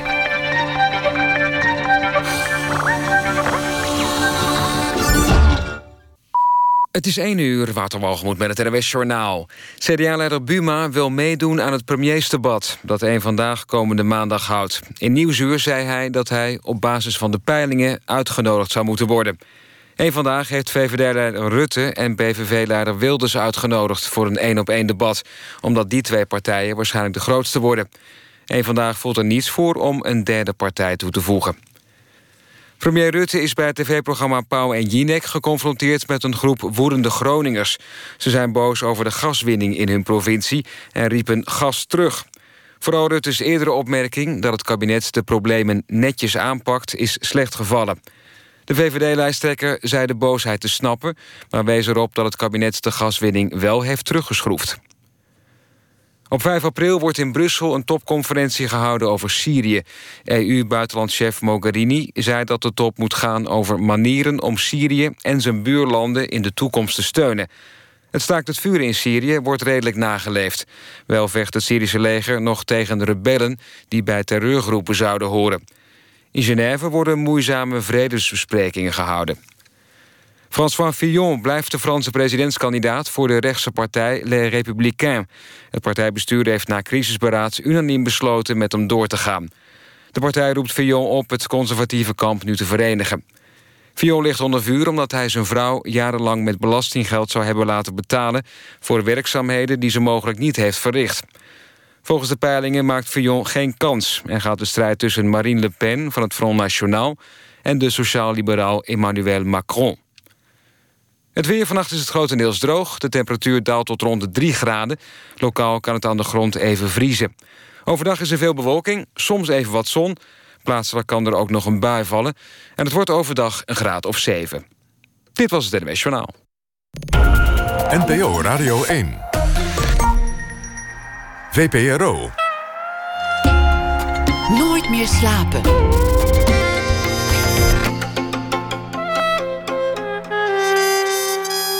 Met Pieter van der Wielen. Met The Painted Word laat Mares een huis voor hedendaagse cultuur in Maastricht de opkomst en het verval van Europa zien. De tentoonstelling bestaat uit een doorlopende muurschildering die alle wanden beslaat. Zometeen een rondgang langs dat uh, kunstwerk. Fotograaf en schrijver Hans Aarsman komt op bezoek met zijn nieuwe voorstelling. Precies andersom laat hij het publiek zien dat alles vaak anders zit dan je zou denken als je maar goed kijkt en nadenkt. Janna Loontjes maakt deze week elke dag een verhaal bij de voorbije dag. En dat zal ze zo meteen voordragen. Te met het culturele nieuws. Goed nieuws voor fans van de Gorilla's. Voor het eerst in ruim zeven jaar zal de virtuele band weer live te zien zijn. Dat doen ze op 10 juni in een Brits pretpark tijdens een festival dat ze zelf zullen organiseren. Het evenement heet Demon Days en de voorverkoop start deze week. Kunstenaar Banksy heeft met zijn graffiti-kunst het hotel met het lelijkste uitzicht van de hele wereld wat fraaier gemaakt. Het gaat om het Walled-Off Hotel in Bethlehem. Dat kijkt uit op een metershoge muur op de westelijke Jordaan-oever. Hotel vormt een protest tegen de Israëlische bezetting en geeft ruimte aan Palestijnse kunstenaars om hun werk aan de wereld te tonen. Dan is er ophef over een binnenkort te verschijnen film, Beauty and the Beast. Het is de eerste Disney-film waar expliciet een homoseksueel personage in voorkomt. Waardoor Rusland alvast de film controleert op wat zij noemen homopropaganda. En overweegt de film te verbieden. Ook in Amerika is er protesten ontstaan onder conservatieven. Een eigenaar van een bioscoop in Alabama heeft aangekondigd de film niet te zullen vertonen. In Nederland is de film vooralsnog wel gewoon te zien. De hoogtijdagen in de kunsthandel leiden tot meer vervalsingen en meer kunstwerken die worden verkocht voor iets anders dan ze daadwerkelijk zijn. Arjen Ribbens is kunstredacteur voor NRC Handelsblad, zelf ook verzamelaar. Hij maakt een verhaal over uh, de vervalsingen, de kunst en werd uh, noodgedwongen zelf een van de getuigen die dat verhaal optrad. Want ook hij kocht een doek dat niet bleek te zijn wat hij had gehoopt. Voor 14.000 euro kocht hij een stil leven van de Vlaamse schilder van Tielen op een Maar helaas. Het bleek niet 17e eeuws, maar een 21e eeuwse namaak. Goedenacht, Arjen Ribbens. Ja, goedenacht, Pieter. Het ja, ging om stom, een, hè? Nou ja, je, je, ging op, op andermans gezag af. Het ging om een, om een doek van een Vlaamse schilder van Tielen. Een, een mooi oud doek. 14.000 euro. Wat gebeurde er? Nou ja, ik, ik was al heel lang op zoek naar een, uh, een stil leven. En uh, dus ik heb, ik heb een jaar of twee, drie... heb ik heel fanatiek allerlei veilingsites afgelopen. Net zolang tot ik uh, nou ja, een keer ergens raak schoot. En uh, ik, heb, uh, ik heb het schilderij nooit gezien voordat ik, het, voordat ik het kocht. Want ik kocht het bij Christie's in Londen. Dat is ongeveer het meest betrouwbare adres wat je in de kunstwereld hebt, in King Street. En nou ja, dan kijk je in een veilingcatalogus en dan kan je op je beeldscherm kun je foto's eindeloos uitvergroten. En je kunt extra foto's opvragen bij het veilinghuis en een conditierapport. En dat heb ik allemaal gedaan. Uh, ik heb nog met iemand gebeld die ter plekke was. Een, een uh, kennis van me die bij het veilinghuis werkt. Ik heb nog aan een bevriende handelaar gevraagd... die op de kijkdagen was of hij naar het schilderij wilde kijken. En dan, nou ja, toen durfde ik het wel aan. En toen liet je het restaureren en toen bleek eigenlijk langzaam aan... dat het nou ja, waarschijnlijk een vervalsing was... of in ieder geval een, een werk waarmee was gesjoemeld. Dat mooier was gemaakt dan het was. En in ieder geval niet volledig door JP van Tielen uh, geschilderd was. Nee. Op de, op, de, op de lijst stond overigens een andere naam. Er stond de naam van Daniel Segers. Dat is een hele grote uh, Vlaamse meester. De leermeester ook van deze Jan Philip van Tielen. En mijn overbuurman in Amsterdam, Michel van der Laren... is een hele ervaren restaurateur... Die heeft 25 jaar bij het Rijksmuseum gewerkt. En nou ja, op de schilderijen van Rembrandt mogen restaureren. En die, was, die kwam het bij mij ophalen en die zei onmiddellijk, god dat is raar. Er zit een, nieuw, een nieuwe parketage op de achterkant van het paneel. Het is een schilderij op een houten paneel geschilderd. En daar, uh, nou ja, soms gaan die panelen stuk en dan wordt er een houten steunconstructie achterop gezet. En dat was in dit geval ook zo, gloednieuw. Maar zei die, het vreemde is, uh, de vernislaag, de vergeelde vernislaag is niet uh, vervangen. Dat vond hij een hele curieuze combinatie. Dus hij had meteen twijfels. Maar ja, toen belde hij me een dagje later op en toen zei hij van... goh, ik heb nou met UV-licht naar gekeken en ik zie allemaal uh, retouches... dus het zou toch misschien wel echt kunnen zijn. En nog weer een dag later belde hij op en toen zei hij van... Uh, je hebt een kat in de zak gekocht, want het is een uh, vroeg 21e eeuwse schilderij op een oude plank. Ja, een, een, een, echte vervalsing. Het geld is teruggekomen, want dat is een garantie die Christie's biedt. Het, het grotere verhaal is dat, dat um, stond dit weekend ook al in verschillende kranten... Dat, dat waarschijnlijk toch een flink percentage van de internationale kunsthandel in vervalsingen gaat inmiddels. En er werd zelfs gesuggereerd dat een aantal stukken in musea... die daarvoor als topstuk hangen... misschien wel helemaal niet, niet echt zijn. Hoe, hoe ja. erg is het? Heb jij daar enig idee van? Uh, nou ja, het is behoorlijk erg, want het, 2016 is al uh, door allerlei media uitgeroepen tot het jaar van de kunstvervalsingen. Nou uh, is het zo dat, dat er kunstvervalsingen van alle tijden zijn. We hebben in Nederland ook een paar hele gerenommeerde vervalsers gehad. Maar wat er, waarom 2016 toch tot het jaar van de kunstvervalsing is uitgeroepen... dat komt omdat er nog nooit in één jaar tijd zoveel grote namen uh, in de val zijn getrapt. Dus je, je, het Louvre, het Metropolitan Museum in New York... de National Gallery in Londen uh, hebben vervalsingen aan de muur gehad. Er zijn hele gerenommeerde kunsthandelaren geweest... die het afgelopen jaar met vervalsingen uh, in verband zijn gebracht... of zelfs zijn veroordeeld. Je hebt hè, de beurs, die, de belangrijkste kunstbeurs die er is... die donderdag van start gaat. Daar doen vier handelaren mee die het afgelopen jaar een proces aan hun broek hebben gehad. En er zijn allerlei kunsthistorici van dat vergat ik nog bijna... die uh, nou ja, juichende stukken hebben geschreven over schilderijen... die bij nader inzien niet goed bleken te zijn. En ook in, in jouw geval waren er verschillende deskundigen... die hun, uh, hun naam hadden verbonden... of in ieder geval hun goedkeuring hadden gegeven aan het doek... die ernaast zaten. Ja, zo is het. En het vreemde, het, het, bizarre in mijn geval is dat ik... Ik, ik ben bezig uh, al een maand of zoiets, zes weken... met een serie uh, artikelen over al die vervalsingen die op de markt zijn gekomen... en wat dat betekent voor een beurs als, uh, als Stefaf. En terwijl ik daarmee bezig ben, overkomt me dit. Ja, en word je dus zelf onderwerp of kroongetuige in je eigen verhaal, wat je in dit geval natuurlijk liever niet, uh, niet wil. Zou je het weer doen? Zou je nu nog een, een doek van dat bedrag durven kopen? Of, uh, of is de smaak je wel vergaan? Nou, kijk, ik, ik ben blij dat ik het bij, bij Christie's heb uh, gekocht. En dat is een veilinghuis met zo'n met zo'n garantie dat je tot vijf jaar na aankoop een schilderij of een ander kunstwerk dat je hebt gekocht kunt terugbrengen als er iets mee aan de hand is. Ehm, ik weet niet of ik nu nog zo gauw uh, bij een Pools veilinghuis... of waar, hè, een klein veilinghuis in een ver wegland... of ik daar uh, weer mee ga bieden. Wat ik in het verleden wel heb gedaan overigens uh, op schilderijen. Dank Arjen Ribbens en een hele goede nacht. Jij ook Pieter. Fijn.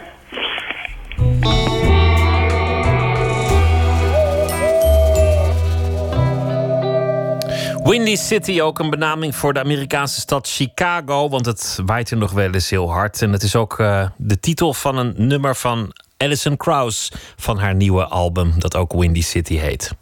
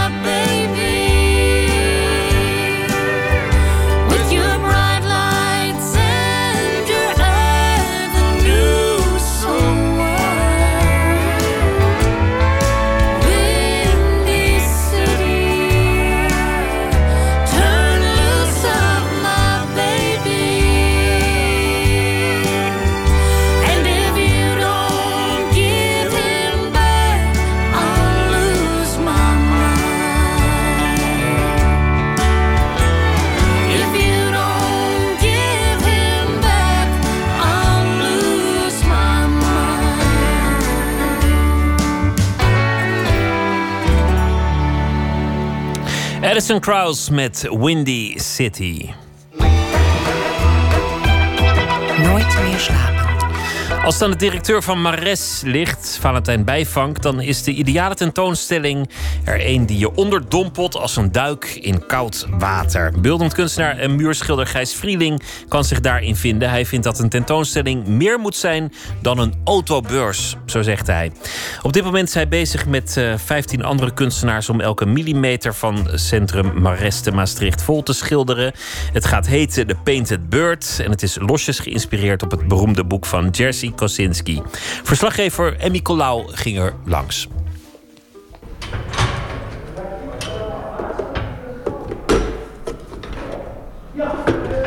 Kun je er direct tegen als iemand op je vingers kijkt? Ja, heel goed. Ja, ja ben je wel gewend? Ja, ja, ja. Ik, ik maak al heel lang muurschilderingen en ook al heel lang op plekken waar gewoon mensen allemaal rondlopen. En, uh, ja, wie de drempel van Mares overstapt, moet voorzichtig zijn niet al meteen bij binnenkomst per ongeluk in een emmer verf te stappen. Hip-hop schalt uit een ghettoblaster. De geur van verf is zowat bedwelmend en overal liggen kwasten en staan stijgeronderdelen. Op de eerste verdieping staat op een wankel keukentrapje de leider van dit monsterproject. Beeldend kunstenaar en oud-directeur van tentoonstellingsruimte W139, Gijs Vrieling. Ik ben een gebouw aan het schilderen. Uh, dit is eigenlijk een heel panorama, een, eigenlijk een panorama van uh, Europa, wat, waar we, de zaal waar we nu in staan. En, 16 uh, kunstenaars beschilderen samen momenteel elke millimeter van de 750 vierkante meter muur, vloer en plafondoppervlak van het statige monumentale brouwershuis. Het werk van de ene kunstenaar gaat naadloos over in het andere. En zo worden die autonome kunstenaars wel gedwongen zich tot elkaar te verhouden. Hier kom je binnen. Hier ja, is... Hier is uh, Job Wouters nu twee uh, hele grote skeletten, die de hele hoogte van de hele wand beslaan aan het schilderen. En dan hier ga je eigenlijk naar binnen en dan kom je eerst in de supermarkt. En uh, de supermarkt is ook geschilderd door Job Wouters. Vanaf vrijdag kunnen bezoekers dwalen door de gangen en kamers van Mares. Langs een high-tech supermarkt, het laatste stukje oerwoud, een Berlijns hippiefestival en een strand vol arriverende vluchtelingen. Ze zullen daarbij vergezeld worden door een speciaal gecomponeerde soundtrack van Frank Kolen. Kijk, het leukste hier vind ik dat je echt door verschillende kamers heen gaat. Hè? We maken dus ook een soundtrack erbij. Dus je loopt eigenlijk rond met een koptelefoon. Het wordt echt op heel veel niveaus tegelijk aangesproken. Het wordt wat marketingmensen dan vast een totaalervaring noemen. Of in de woorden van directeur Valentijn Bijvank, een immersieve tentoonstelling. En nee, dat woord vindt u niet terug in Vandalen. Het is afgeleid van het Engelse immersive. Nou, het is een ingewikkeld woord, maar je moet eigenlijk denken aan onderdompeling. En onderdompeling kun je het best begrijpen wat er gebeurt als je een, een, uh, een zwembad induikt. Liefst diep en koud. De gedachte daarachter is dat uh, de meeste kunstcentra en musea natuurlijk eigenlijk alleen op het oog spelen. En bovendien op het oog en je verstand. Je staat ergens in een kamer, je ziet iets, je weet meteen wat het is. En als je het niet begrijpt, dan voel je je een beetje rottig, hè, want je moet het eigenlijk meteen begrijpen. Dat is een directe... Dan hoop je dat er zo'n bordje hangt waar het dan Precies. uitgelegd staat. Precies, daarom gaan mensen ook lezen, want het, tussen het oog en het brein gebeurt alles. En wij geloven dat eigenlijk de kunst, maar ook de cultuur in brede zin natuurlijk een, uh, dat er nog een heel stuk van de zintuigen bij zit. Dus jij wil eigenlijk dat, dat wij hier binnenkomen als een soort Alice in Wonderland. Ja. Je duikt door dat, je gaat door dat hol en je komt in een andere wereld. Ja, dat is precies wat we proberen te doen. Eigenlijk ga je dwalen door deze ruimtes en daar kom je van alles tegen. Uh, wij weten ook niet wat je er allemaal tegenkomt, want mensen gaan ook een heleboel dingen verzinnen die wij er niet per se in stoppen. Maar dat is eigenlijk dan het, ook weer het bijzondere van dit soort tentoonstellingen: dat mensen ongelooflijk veel in kunnen projecteren, omdat ze zo zintuigelijk worden aangeraakt. Hier, Hier wordt het paradijselijk. Paradijselijk bos. Ja, dit heb ik geschilderd. Het, op een of andere manier schijn ik toch nooit iets anders te kunnen doen dan een soort paradijs uh, maken. En uh, ja, dus dit is een, in blauw eigenlijk een, een bos. En jij staat hier dan op je steiger? Daar stond ik op de steiger en voor dit tussenstuk daar kon je eigenlijk niet bij komen. Dus daar had ik een soort uh, stoffer van een stoffer een blik aan een stok vastgemaakt om het vol te bezemen. Ja. Je moet een beetje inventief zijn als je muralist bent. Ja, zeker. Ja. Dit zijn eigenlijk de Romanovs de, de tsarenfamilie uit uh, Rusland... die geschilderd zijn door um, uh, Natasha Kinsmil. En dan Loopt het mooi over zo? Of dat past zo goed bij elkaar? Ja, ja, dat hebben we wel in goed overleg hebben dat gedaan. Dat is eigenlijk de inzet van deze tentoonstelling... en meer dingen die ik heb geprobeerd. Van, ja, hoe, hoe, hoe kan je nou als, als, in, als beeldend kunstenaars samenwerken... op een manier die ik zou maar zeggen, lijkt op de manier waarop mensen ofwel in films samenwerken, of in popgroepen samenwerken, of in uh, toneelstukken samenwerken. Namelijk waar je en natuurlijk een eenheid hebt en een geheel wat als het ware de individuele uh, personen die daar allemaal aan meewerken overstijgt. En tegelijkertijd, ja, die individuele stemmen ook een eigen, um, ja, voldoende eigen plek hebben, zeg maar. Hè. Ik was er die dag dat jij mij niet zag. Het enorme kunstwerk dat hier verrijst, onder leiding van Gijs Vrieling, is vernoemd naar een boek dat hij las van de Pools-Amerikaanse schrijver Jerzy Kosinski. In 1965 verscheen zijn De Geverfde Vogel. Dat controversieel werd niet alleen vanwege de schokkende inhoud, maar ook vanwege vermeend plagiaat en het feit dat het helemaal niet zo autobiografisch was als de schrijver aanvankelijk deed voorkomen. Vrieling las het boek een paar jaar terug voor het nee, eerst. ik was op de camping. En ik had alle boeken, ik had alle boeken uit. En toen in de campingbibliotheek, daar stond uh, dit ook. De camping en dit huiveringwekkende ja. boek. Dat, dat ja. moet iets raars in je hoofd doen. Ja, nou ja, ik kan toch zeggen, ik heb, er, maar ja, ik heb er toch vooral heel erg van genoten. Ja. Ik vond het toch gewoon een heel erg goed boek, ja. Dus ik heb het echt ademloos uitgelezen achter elkaar. En, um... Kan je het verhaal uh, vertellen? Uh, ja, het is in zekere zin. Het is een jongetje, een Joods jongetje van een jaar of vijf, zes. die in het begin van de uh, Tweede Wereldoorlog door zijn ouders wordt ondergebracht bij een oude vrouw. Een beetje een, bijna een soort toverheksachtige vrouw. Uh, maar zij overlijdt eigenlijk al heel snel. En vanaf dat moment trekt hij dus eigenlijk alleen door ja, agrarisch Zuid-Polen. En heeft ja, eigenlijk van de ene gruwelijkheid in de andere komt hij terecht. Ja, en gruwelijk is ook echt gruwelijk. Het is, het is een aaneenschakeling van uh, marteling, seksueel misbruik, ja. uh, geweld. Ik vond het ook wel heel heftig, maar ik vond het vooral zo evocatief geschreven. Hè, zo... Uh... En uh, later was ik eigenlijk zo verbaasd, want ik begreep dus later van mensen die zeiden, ja, de Painted Bird. En die begonnen dan over, de, hè, dus dat nadat het, uh, kort nadat het is uitgegeven, is een soort controversies ontstaan, dat mensen zeiden, ja, maar hij heeft dat helemaal niet zelf meegemaakt. Maar ik was vooral totaal verbaasd hoe je zou kunnen denken dat het een autobiografisch boek is, omdat het zo, uh, zo fictie is. Hè? Het is af en toe een soort Efteling-achtig. Een van die wonderlijke scènes uit het boek is die waarin een professionele vogelvanger een van zijn vogels beschildert in bonte kleuren. Hij laat het beest terugvliegen naar zijn zwerm, waar hij wordt gezien als een indringer. Ze vallen hem aan tot het arme beest uit de lucht valt. Het verhaal staat symbool voor hoe mensen die afwijken van de norm behandeld worden. Op een bepaalde laag, laag is, natuurlijk, is, het, uh, is hij als Joodse jongen natuurlijk die geverfde vogel. Maar het is natuurlijk ook het individu ten opzichte van, hè, van een soort. In zekere zin zijn kunstenaars ook geverfde vogels. Of althans, zo worden ze voorgesteld of stellen ze zichzelf graag voor. De hedendaagse beeldend kunstenaar wordt heel erg ten tonele gevoerd als het autonome subject. Als die painted bird. Ja, enerzijds. Hè, sommige mensen schermen daar zelf ook heel erg mee. Zeker ook vanuit de markt is het het Van Gogh, het van Gogh model. Hè, de individu, het individu, scheppende individu. Ja, daar wordt het geld mee verdiend. Zo is het gewoon. Hè. Uh, en, uh, en ook, ook vanuit de theorie is toch, wordt, wordt toch die autonomie ook heel erg verdedigd. Maar in de praktijk zie je dus, zoals ik al zei, tentoonstellingen waarin die werken gewoon geïsoleerd zijn van andere werken, op geen enkele manier uitgedaagd of tot wat dan ook. Dus het is een soort kaltgesteld individu. Ja, dus eigenlijk zeg jij door die, die context, door die manier, manier van tentoonstellingen en kunst benaderen, wordt hij eigenlijk ook juist heel, uh, heel ongevaarlijk. En ongevaarlijk, ja, totaal ongevaarlijk. Ja, precies. iedere, acteur, ik bedoel, iedere popmuzikant moet met zijn bandgenoot samen spelen. Ja, dat is altijd dat is een echt proces. En daarom is popmuziek ook zo onvergelijkbaar veel interessanter en populairder dan beeldende kunst. dat geldt voor films ook. De, de geagiteerdheid ermee voor mij kwam heel erg toen ik in 1939 begon en plotseling. Uh, toen moest ik toch allerlei tentoonstellingen en beurzen. Vond ik dat ik daar toch naartoe moest gaan. ja, want opeens was je directeur. was ik directeur, precies. Toen dacht ik, dan moet ik er toch een beetje iets van weten. Toen viel het me op, ik was in, toen in Londen naar de Freeze.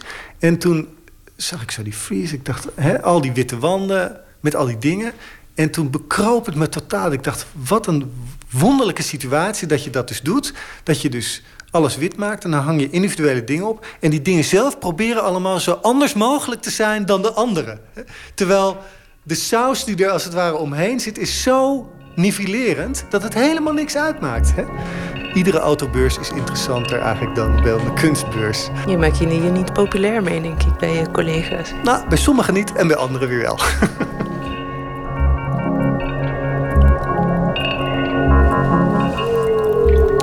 Painted Bird van Gijs Vrieling en 18 andere kunstenaars. Gemaakt met uh, muziek van Frans Kolen en uh, muziek van Kim David Bots. Wordt vrijdag geopend in Mares in Maastricht.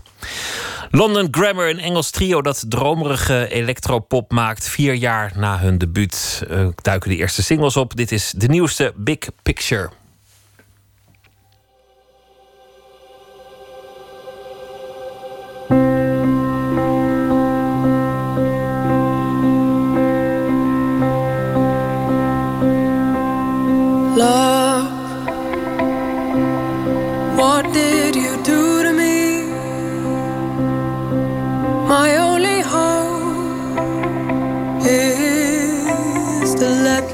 Stretch out before me, and break me on this lonely road. I'm made of many things, but I'm not what you are made of. Only now do I see the big picture, but I swear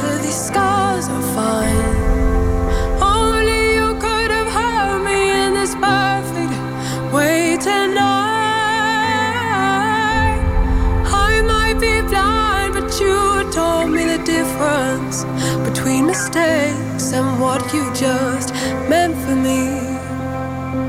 Don't say you ever loved me. Don't say you ever cared.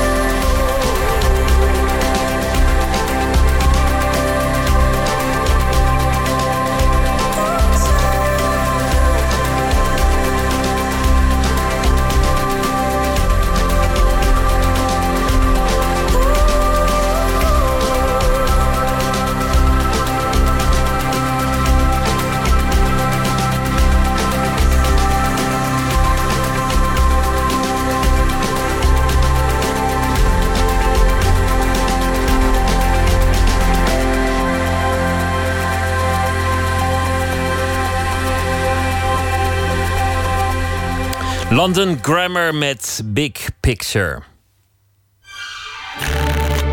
Open kaart.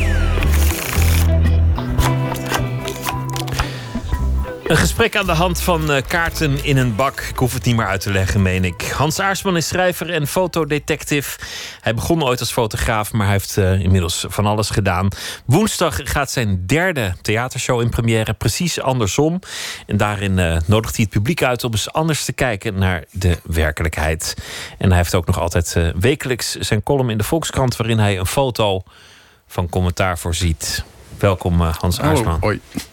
Je had eigenlijk ook, uh, ook, ook heel veel andere dingen kunnen worden als het iets anders gelopen was. Detective bijvoorbeeld. Een soort Sherlock Holmes, een rechercheur. Ja, ja maar het is. Ja. Die, die, die romantiek is niet zo. Als je nu detective bent, zit je bij de politie. En dan zit je natuurlijk wel in een soort. Uh, in een baan.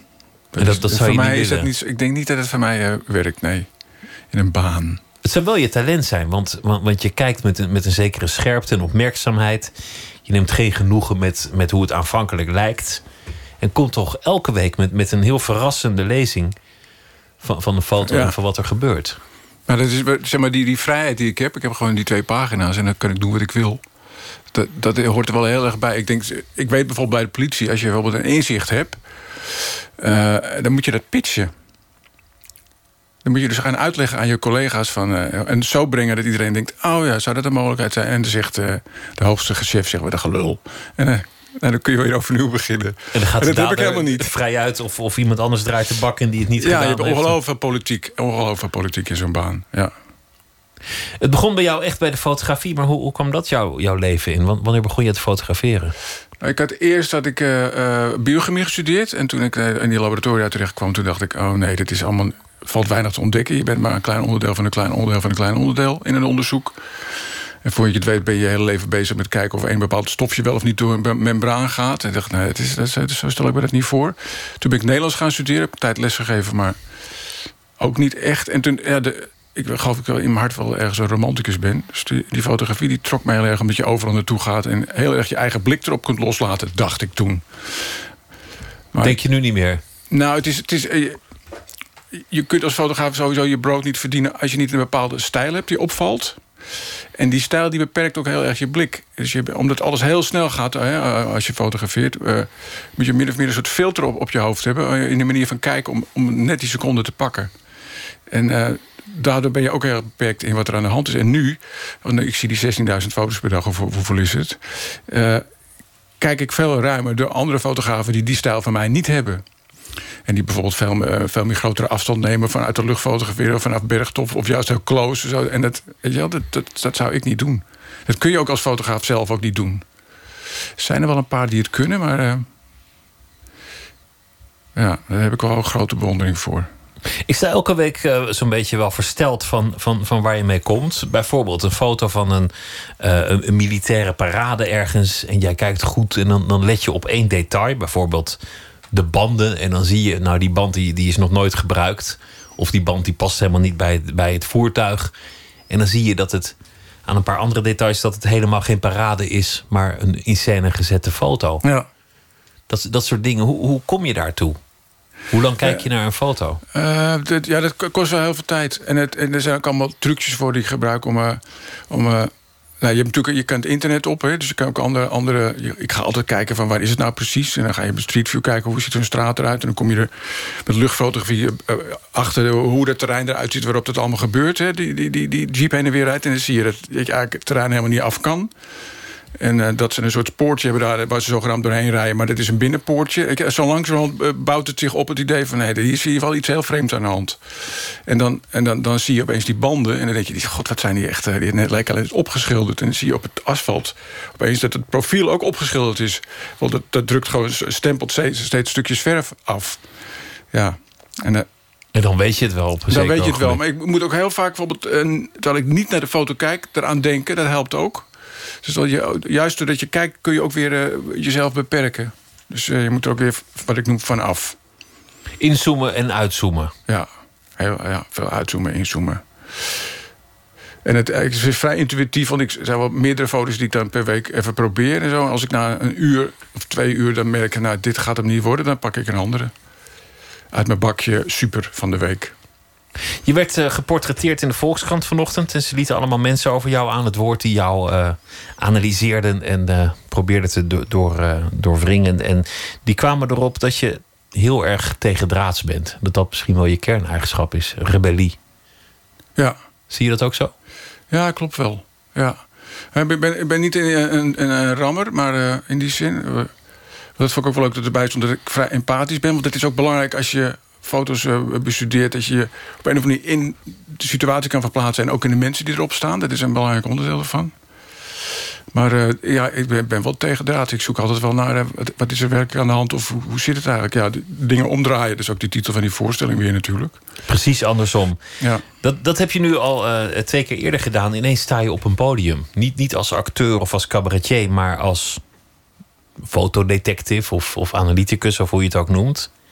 En dit keer probeer je het publiek mee te nemen in een gedachtenlijn om, om beter te kijken en niet zomaar iets aan te nemen. Ja, beter te denken eigenlijk. Ja. Beter denken ook. Ja. Wat, wat, wat, wat, wat, wat ga je precies doen? Wat, wat, wat wordt het voor voorstelling? Nou, het is een voorstelling over, uh, over uh, observeren en, en, en, en theoretiseren. Dus je ziet iets en vervolgens doe je een aanname erover. Dat doen we eigenlijk de hele tijd. En dat gaat heel vaak mis. En uh, ik, ik, bespreek een paar manieren om, uh, om, om dat te voorkomen. En één daarvan is uitzoomen. En als je dat doet, dan blijkt heel vaak erop neer te komen... dat je totaal anders is dan dat je dacht. Precies andersom zelfs. Hele nuttige vaardigheden in deze tijden van postwaarheid en alternatieve feiten, lijkt me. Ja, ja, ja, ja, het is zo.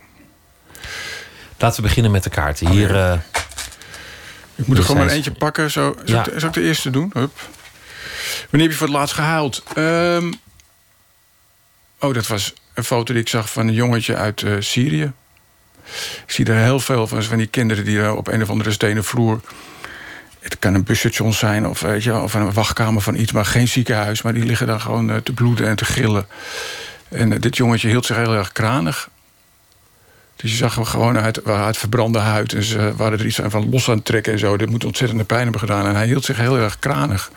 Dat ontroerde me heel erg, ja. Het is wonderlijk dat het je nog kan ontroeren, omdat dat er natuurlijk zoveel van dit soort foto's zijn. En niet allemaal halen de krant omdat ze te gruwelijk worden bevonden. Ja. Maar als je, als je fotoredacteur bent, of zoals jij beroepshalve mee bezig, dan zie je natuurlijk enorm veel van die foto's. Behalve als je het uit de weg gaat. Ja.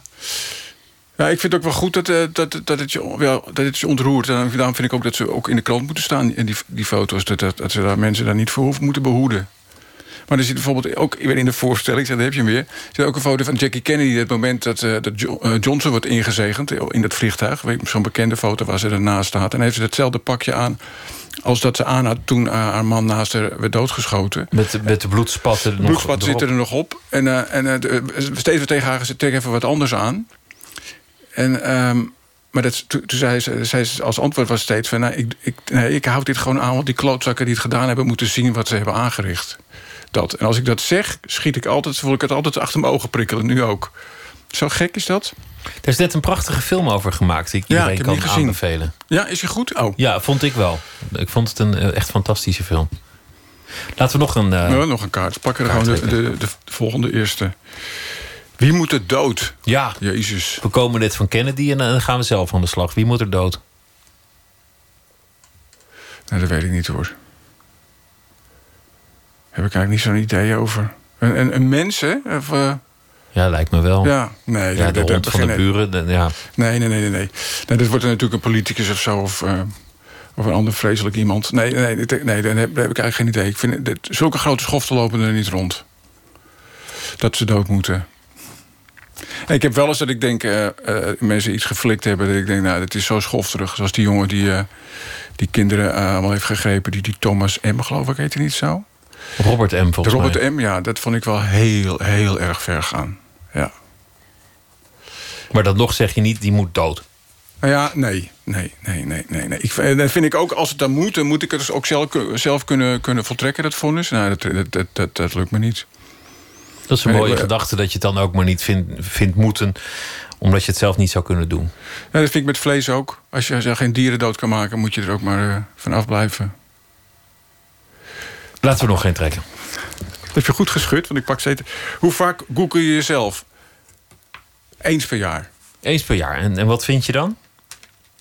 Het getal weet ik niet precies uh, uit, uit, mijn hoofd. Bijvoorbeeld een... Uh, kijk gewoon naar het verschil tussen mij en, en een vriend van mij of zo. Dat, dat, dat soort dingen. Oh, je kijkt echt naar, naar de, hoeveelheid uh, hits. En verder, verder kijk ik niet naar. Oh, oh, ik heb wel, toen ik een website begon, toen heb ik wel gekeken of ik bovenaan de lijst stond. Ja, dat deed ik in het begin wel. Dat doe ik nou ook niet meer. Daar, moet je gewoon allerlei dingen voor doen om bovenaan te komen. Hè? Anders uh, zit je ergens onder uh, pagina 24 met je eigen website. Maar dat is nu niet meer zo. En kijk je wat voor rottigheid mensen over je schrijven op, op sociale media's? Twitter. Ja? Ja, ik heb... ik had hem, ja, toen ik nog regelmatig op televisie was, toen bij de Wereld door, in die tijd had je heel vaak dat er dan mensen gingen allemaal opmerken van, ah, je zal toch Hans Aarsman heten? Dat soort humor. En in het begin dacht ik, wat vervelend, maar op gingen ze verzamelen. En toen ging je gewoon kijken wat voor mensen het waren en hoe oud ze waren. En zag je gewoon dat in de puberteit uh, echt een, een, grote hoeveelheid mensen dat, dat zei. En uh, richting bejaardentehuizen dat ook op, op grond te lopen. En vooral mannen. Dus dan, het is wel grappig dat elke keer als je dan weer zo'n tweetje binnenkomt... nu ook denk ik, ah fijn voor mijn onderzoek. Het is helemaal niet meer vervelend. Dat vind ik ook een van de grote uh, voordelen van onderzoek doen. Voor jezelf. Hè? Gewoon uh, niet uh, omdat je een baan hebt, maar gewoon steeds weer dingen checken en kijken hoe, wat de verbanden zijn. Het is ook vaak heel voorspelbaar. Op een gegeven moment zie je patronen. De, dat, dan kan je ja. voorspellen welke, welke tweets er komen. Als je zegt sociale media's, dan, dan komt er een taalpurist die zegt het is sociale media, noem ja. maar wat. Ja. Dat, dat soort dingen. Ja, is ook leuk. En, en om het dan te tellen. Ja. ja. Laten we nog één uh, trekken. Waar erger je aan? Uh, scooters. Scooters? Scooters vind ik vreselijk. Wat een stank is dat zeg. En een lawaai? Ja, ze worden ja, lawaai is wel te doen, maar het is, en de ellende is die dingen die schieten helemaal niet op. Dus als, ik hou van een beetje flink doorfietsen. Dus als je er eentje voor je hebt, eerst volgende stoplicht staat hij weer voor je. En de hele tijd heb je dus die stank je, in je, in je neus. En het is er zitten heel veel fijnstoffen in. Het is heel ongezond. Vooral omdat ze zo half afgeknepen zijn, die motoren. Dus het levert allemaal ongelooflijke derry op. Vreselijk. Vreselijke dingen. Laten we nog een uh, kaart trekken. Mm. Is je, carrière gelopen, is je carrière gelopen zoals je had gedacht? Dat kan ik me niet voorstellen. Nee, ik, denk, ik had niet gedacht uh, tien jaar geleden dat ik in het theater zou staan. Met een eigen show. Nee. Wat dacht je tien jaar geleden wel of dacht je niet? Ik heb eigenlijk nooit zo'n uh, zo'n blik van uh, ik wil dat bereiken. Nee, ik, ik, hou van de dingen die ik doe. die, als ik iets erg interessant vind, dan ga ik er gewoon achteraan. En dan vol gas. Maar ik weet gewoon nooit wat ik over een tijdje... nu opeens weer ontdekt heb wat ik interessant vind om allemaal uit te zoeken. Dus dat verandert altijd. Onderweg ook tentoonstellingen samengesteld. Je hebt een roman ja. geschreven. Dat wist ik niet. Dat las ik vanochtend in, in, in dat profiel. Ja, het, soms gaan de dingen mis. Ik, achteraf dacht ik van waarom heb ik in godsnaam een roman geschreven? Ik, heb, ik lees die dingen nooit. Ja, Celine en uh, Kimaris Rosa, weet je wel. Uh, maar daar heb je het wel eens een beetje mee gehad. Echt de top. Maar die, die, die, die dingen waarin iemand uh, gaat zitten en mij een verhaal aan het vertellen is dat. Uh, nee, literatuur. Nee, dat trek ik niet zo. Nou, je hebt Nederlands gestudeerd, dus ja, moet je misschien toch is ooit hebben. Ja, misschien is daar wel om. Laten we nog één vraag doen. Vind het leuk. Heb je een held? Ah, leuk. Ja, um, ja. Richard Feynman, uh, natuurkundige. Uh, heeft een hele nieuwe theorie over de, voor de kwantummechanica voor de, uh, opgesteld. En dat heeft hij eigenlijk, dat vind ik het bijzonder aan hem... dat heeft hij gedaan doordat hij niet zijn neus ophaalde... om de eerstejaars op MIT les te geven, kwantummechanica. En dat zegt hij ook altijd. Als je dat mensen die leken zijn uitlegt wat je doet dan um, verscherpt het heel erg de, de, de, observatie van, van wat je zelf doet. En dan kom je op hele nieuwe inzichten. En dat is een van de redenen waarom ik ook in theater sta.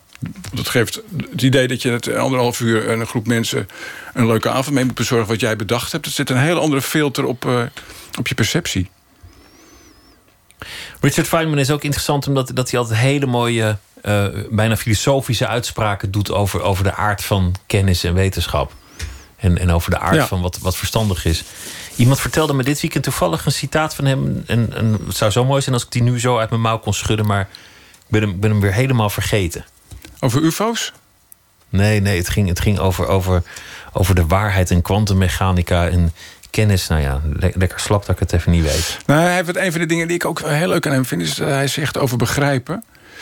Dat je denkt, oh, ik begrijp het nu, weet je wel. Dat is eigenlijk altijd dat je een soort analogie erbij kunt, uh, kunt halen... waardoor je denkt, oh, dat valt in dat bakje. En dan denk je dat je het begrijpt. Maar zo werkt het helemaal niet. En vooral met wiskundige dingen moet je helemaal niet zo proberen te begrijpen. Het zou wel echt goed zijn voor als je wiskundeonderwijs krijgt, dat je eerst gewoon goed over gaat hebben wat begrijpen eigenlijk is. Want een heleboel mensen haken gewoon af in de eerste met, met algebra, omdat ze gewoon een ander beeld van begrijpen hebben. En die abstractie gewoon op een of andere manier uh, veel te concreet proberen te maken. Ja, zoiets had hij gezegd. Hij had gezegd dat als, als iemand uh, iets voor waar aanneemt, dan, dan kan het ook wel gewoon betekenen dat hij het een paar keer eerder in een andere context heeft Ja, gehoord en ja, daarom denkt dat het waar is. Ja. En dat dat een gevaarlijke manier van denken is. Vond, vond ik een heel interessant gegeven. De voorstelling die, eh, die gaat daar ook over. Precies andersom. Dat dingen net niet zijn zoals je zou denken dat ze zijn. Heel veel plezier. Dankjewel, Dank Hans je. Aarsman. Dat is leuk. Stop ze weer netjes in volgorde terug. Doe maar. Dat iedereen weer dezelfde kaarten kan doen.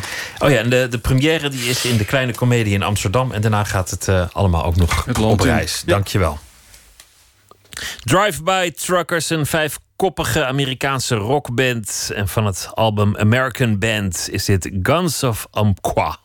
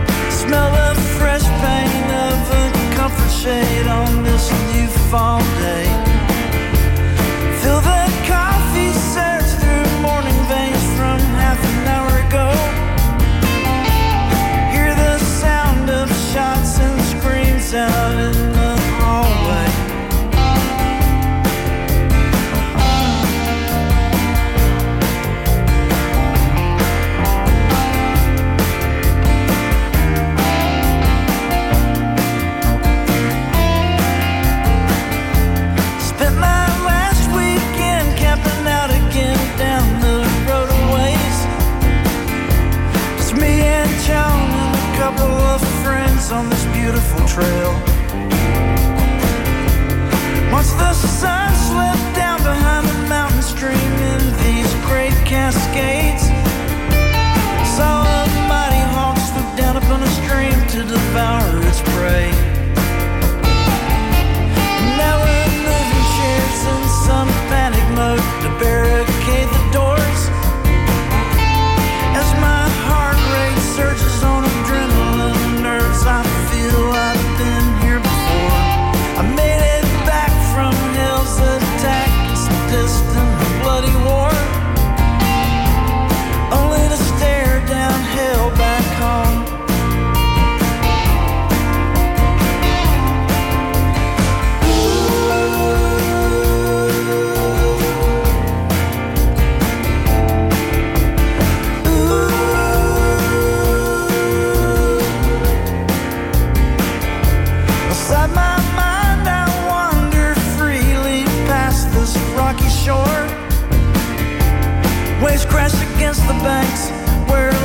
And Clark explored.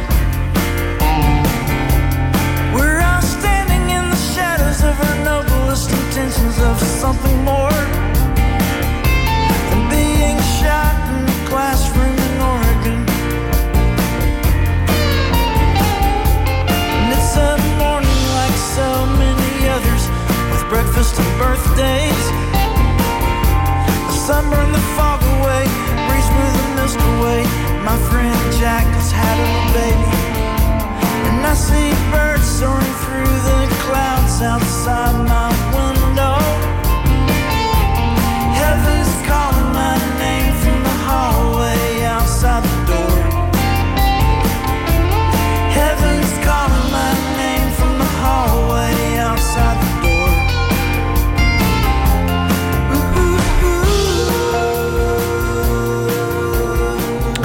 Guns of Amqua van Drive-By Truckers. 1 minuut, een reeks wonderlijke verhalen in 60 seconden. Die van vandaag heet Ui.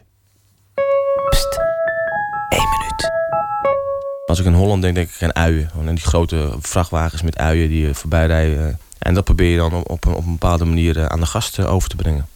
Ik ben nu heel erg aan het denken of ik het, of ik het helemaal puur vegetarisch hou. Of dat ik een accent van, van vlees of vis... eh, en dat is, eh, daar word ik helemaal gek van. Je, moet gewoon, je bent heel erg aan het nadenken van... is, is die vlees een, echt een verrijking van het gerecht, een toevoeging... of is het iets van wat we erbij doen om, om het misschien dat het minder saai wordt... of dat het... Uh...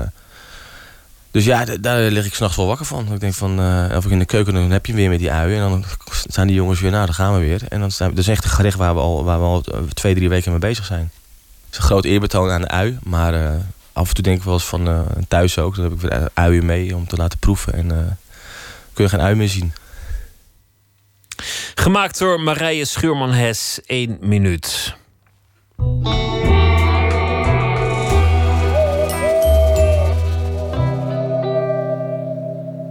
Op deze plek hebben we altijd een eh, schrijver die elke dag een beschouwing maakt bij de dag die achter ons ligt. En deze week is dat schrijver en filosoof Janna Loontjens. Zij schreef uh, meerdere boeken. Haar laatste boek was een essaybundel Roaring Nineties, waarin ze filosofeert over de jaren 90 en ons beeld daarvan. Janna, goeienacht. Hi. Leuk dat je deze week uh, elke nacht iets uh, gaat voordragen over uh, de actualiteit en alles wat zich zal passeren deze week. Ja, vind wat het ook leuk en spannend. Ja, wat, wat was het vandaag? Wat is het geworden? Nou, ik was vandaag eigenlijk een beetje de kranten van de afgelopen dagen aan het uh, doornemen. En te midden van al het wereldnieuws, hè, natuurlijk Obama, die, of uh, zeg ik Trump die Obama... Uh, ervan beschuldigt hem af te luisteren. En uh, de Turken die hier campagne willen komen voeren... was er juist iets heel kleins eigenlijk dat mijn, uh, waar mijn oog op viel. En dat mij tot de verbeelding sprak. En dat was een artikeltje over uh, de erfenis van David Bowie. En advo de advocaat die over deze erfenis gaat die uh, roept mensen op die denken dat zij kinderen van David Bowie zijn. Omdat zij dan uh, aanspraak kunnen maken op een deel van de erfenis. Dat zijn gevaarlijke oproepen. Dat, dat, ja, uh, dat zijn het soort oproepen waarna je mailbox volstroomt met waarschijnlijk zeer onsamenhangende verhalen.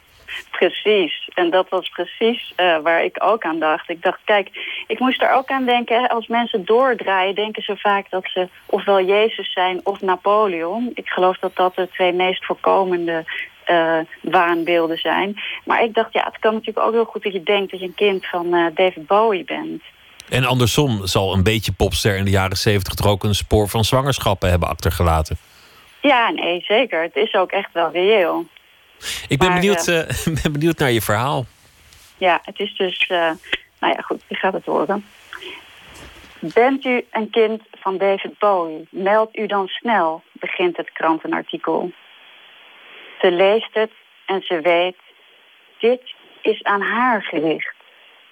Ze slaat de krant dicht, sluit haar ogen en haalt diep adem. Beheerst vouwt ze het papier weer open. Het artikeltje is er nog. Het is alsof het in andere inkt is geschreven. Alsof het te midden van alle dof zwarte nieuwsberichten licht uitstraalt. Ze buigt zich over de tafel om er dichterbij te komen.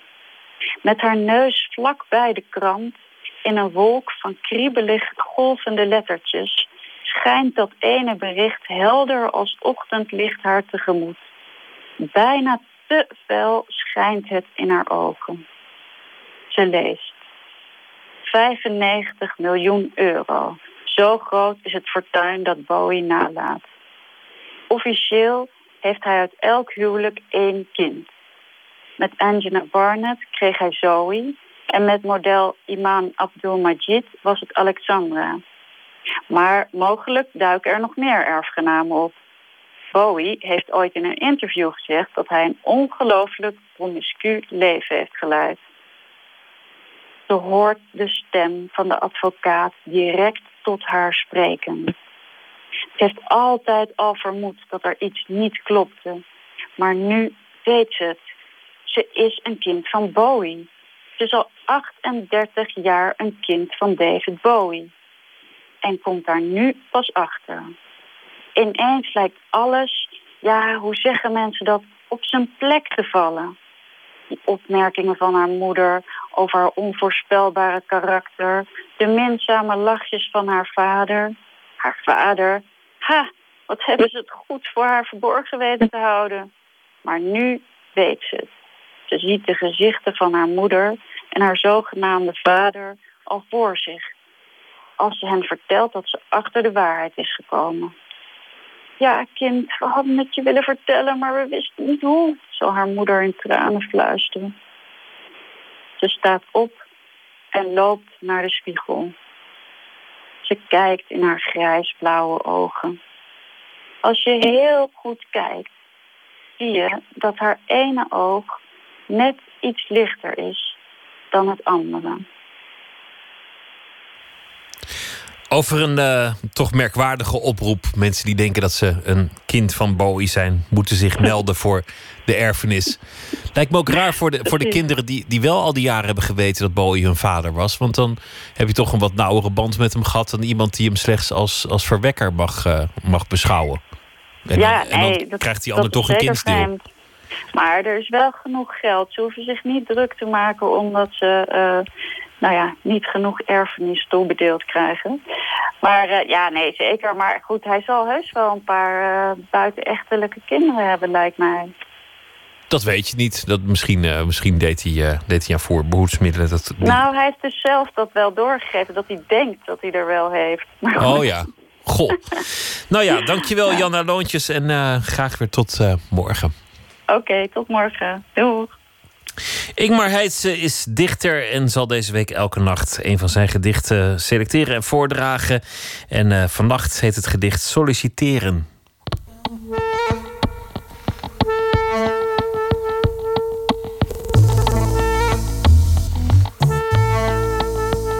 Solliciteren. Nog nooit zo tergend opgegeten als tijdens dit gesprek door een driedelig gedaste bitsprinkhaan. Woorden stuiten op tafel, knikkers vallen op een glasplaat. Hij neemt slokken van mijn levensloop en boert onaangedaan. Hij rolt mij in, hij steekt mij aan en rookt mij op. Dan mag ik gaan. Later belt men mijn stoffelijk overschot. Ik heb de baan. Ik denk dat ik een jaar of uh, 21, 22 was toen ik zo halverwege mijn studie communicatiekunde uh, stage moest gaan lopen. En op een gegeven liep de coördinator van die stages liep met, met een fax te zwaaien door de gang. Er moet iemand naar de ING voor een stage. Wil jij dat doen? En ik dacht, ja, laat ik daar maar naartoe gaan. Dus ik ging met de trein naar, volgens mij was het Amsterdam-Belmer of zo. Daar had je een bedrijventerrein. En uh, daar was het ING hoofdkantoor. En het leuke was, was dat het helemaal in antroposofische stijl gebouwd was. Het was echt een waanzinnig mooi gebouw. Met allemaal schuine uh, ramen, kleuren. Er was water dat langs de trappen liep. Er was fantastische kunst was er in het gebouw. Het is heel leuk. het enige wat niet leuk was, was het gesprek. Het was met een man die me eerst geringschattend opnam. En ik liep er inderdaad een beetje punk bij in die tijd. En uh, die vroeg, waarom wil jij management trainee worden bij deze bank? En dat wou ik helemaal niet. Ik wou stage lopen, iets met communicatiekunde. Dus het gesprek ontspoorde helemaal. En ik was zo chagrijnig en zo boos toen ik in de trein naar huis zat... dat ik het gedicht solliciteren eigenlijk in één ruk gemaakt heb. En het was ook zo'n beetje klaar toen ik uh, nou, ter hoogte van Maarsen was. Dus bijna weer thuis. Dus zo is dat gedicht ontstaan in een, in een nogal boos half uurtje ik, ik heb de stageplek niet gekregen. Ook, ook heb ik hem niet geambieerd. Dus dat was alle kanten op wel goed. Ik lees het gedicht nog een keer voor u. Solliciteren. Nog nooit zo tergend opgegeten als tijdens dit gesprek door een driedelig gedaste bitsprinkhaan. Woorden stuiten op tafel, knikkers vallen op een glasplaat. Hij neemt slokken van mijn levensloop en boert onaangedaan. Hij rolt mij in. Hij steekt mij aan en rookt mij op. Dan mag ik gaan. Later belt men mijn stoffelijk overschot. Ik heb de baan. Solliciteren, een gedicht van Ingmar Heitse. Morgen in Nooit meer slapen komt acteur en cabaretier Leo Alkemade op bezoek. Vanwege de film Tuintje in mijn hart. Een film met een sterrenkast. Die speelt in Suriname. En uh, nou ja, daar hebben we het morgen dan wel over. En hij speelt ook in Missie Aarde. En hij speelt ook in de tv-serie Sjoef Sjoef. En nog heel veel andere dingen. Dus dat ook allemaal morgen. Voor nu een hele goede nacht. En graag weer tot morgen.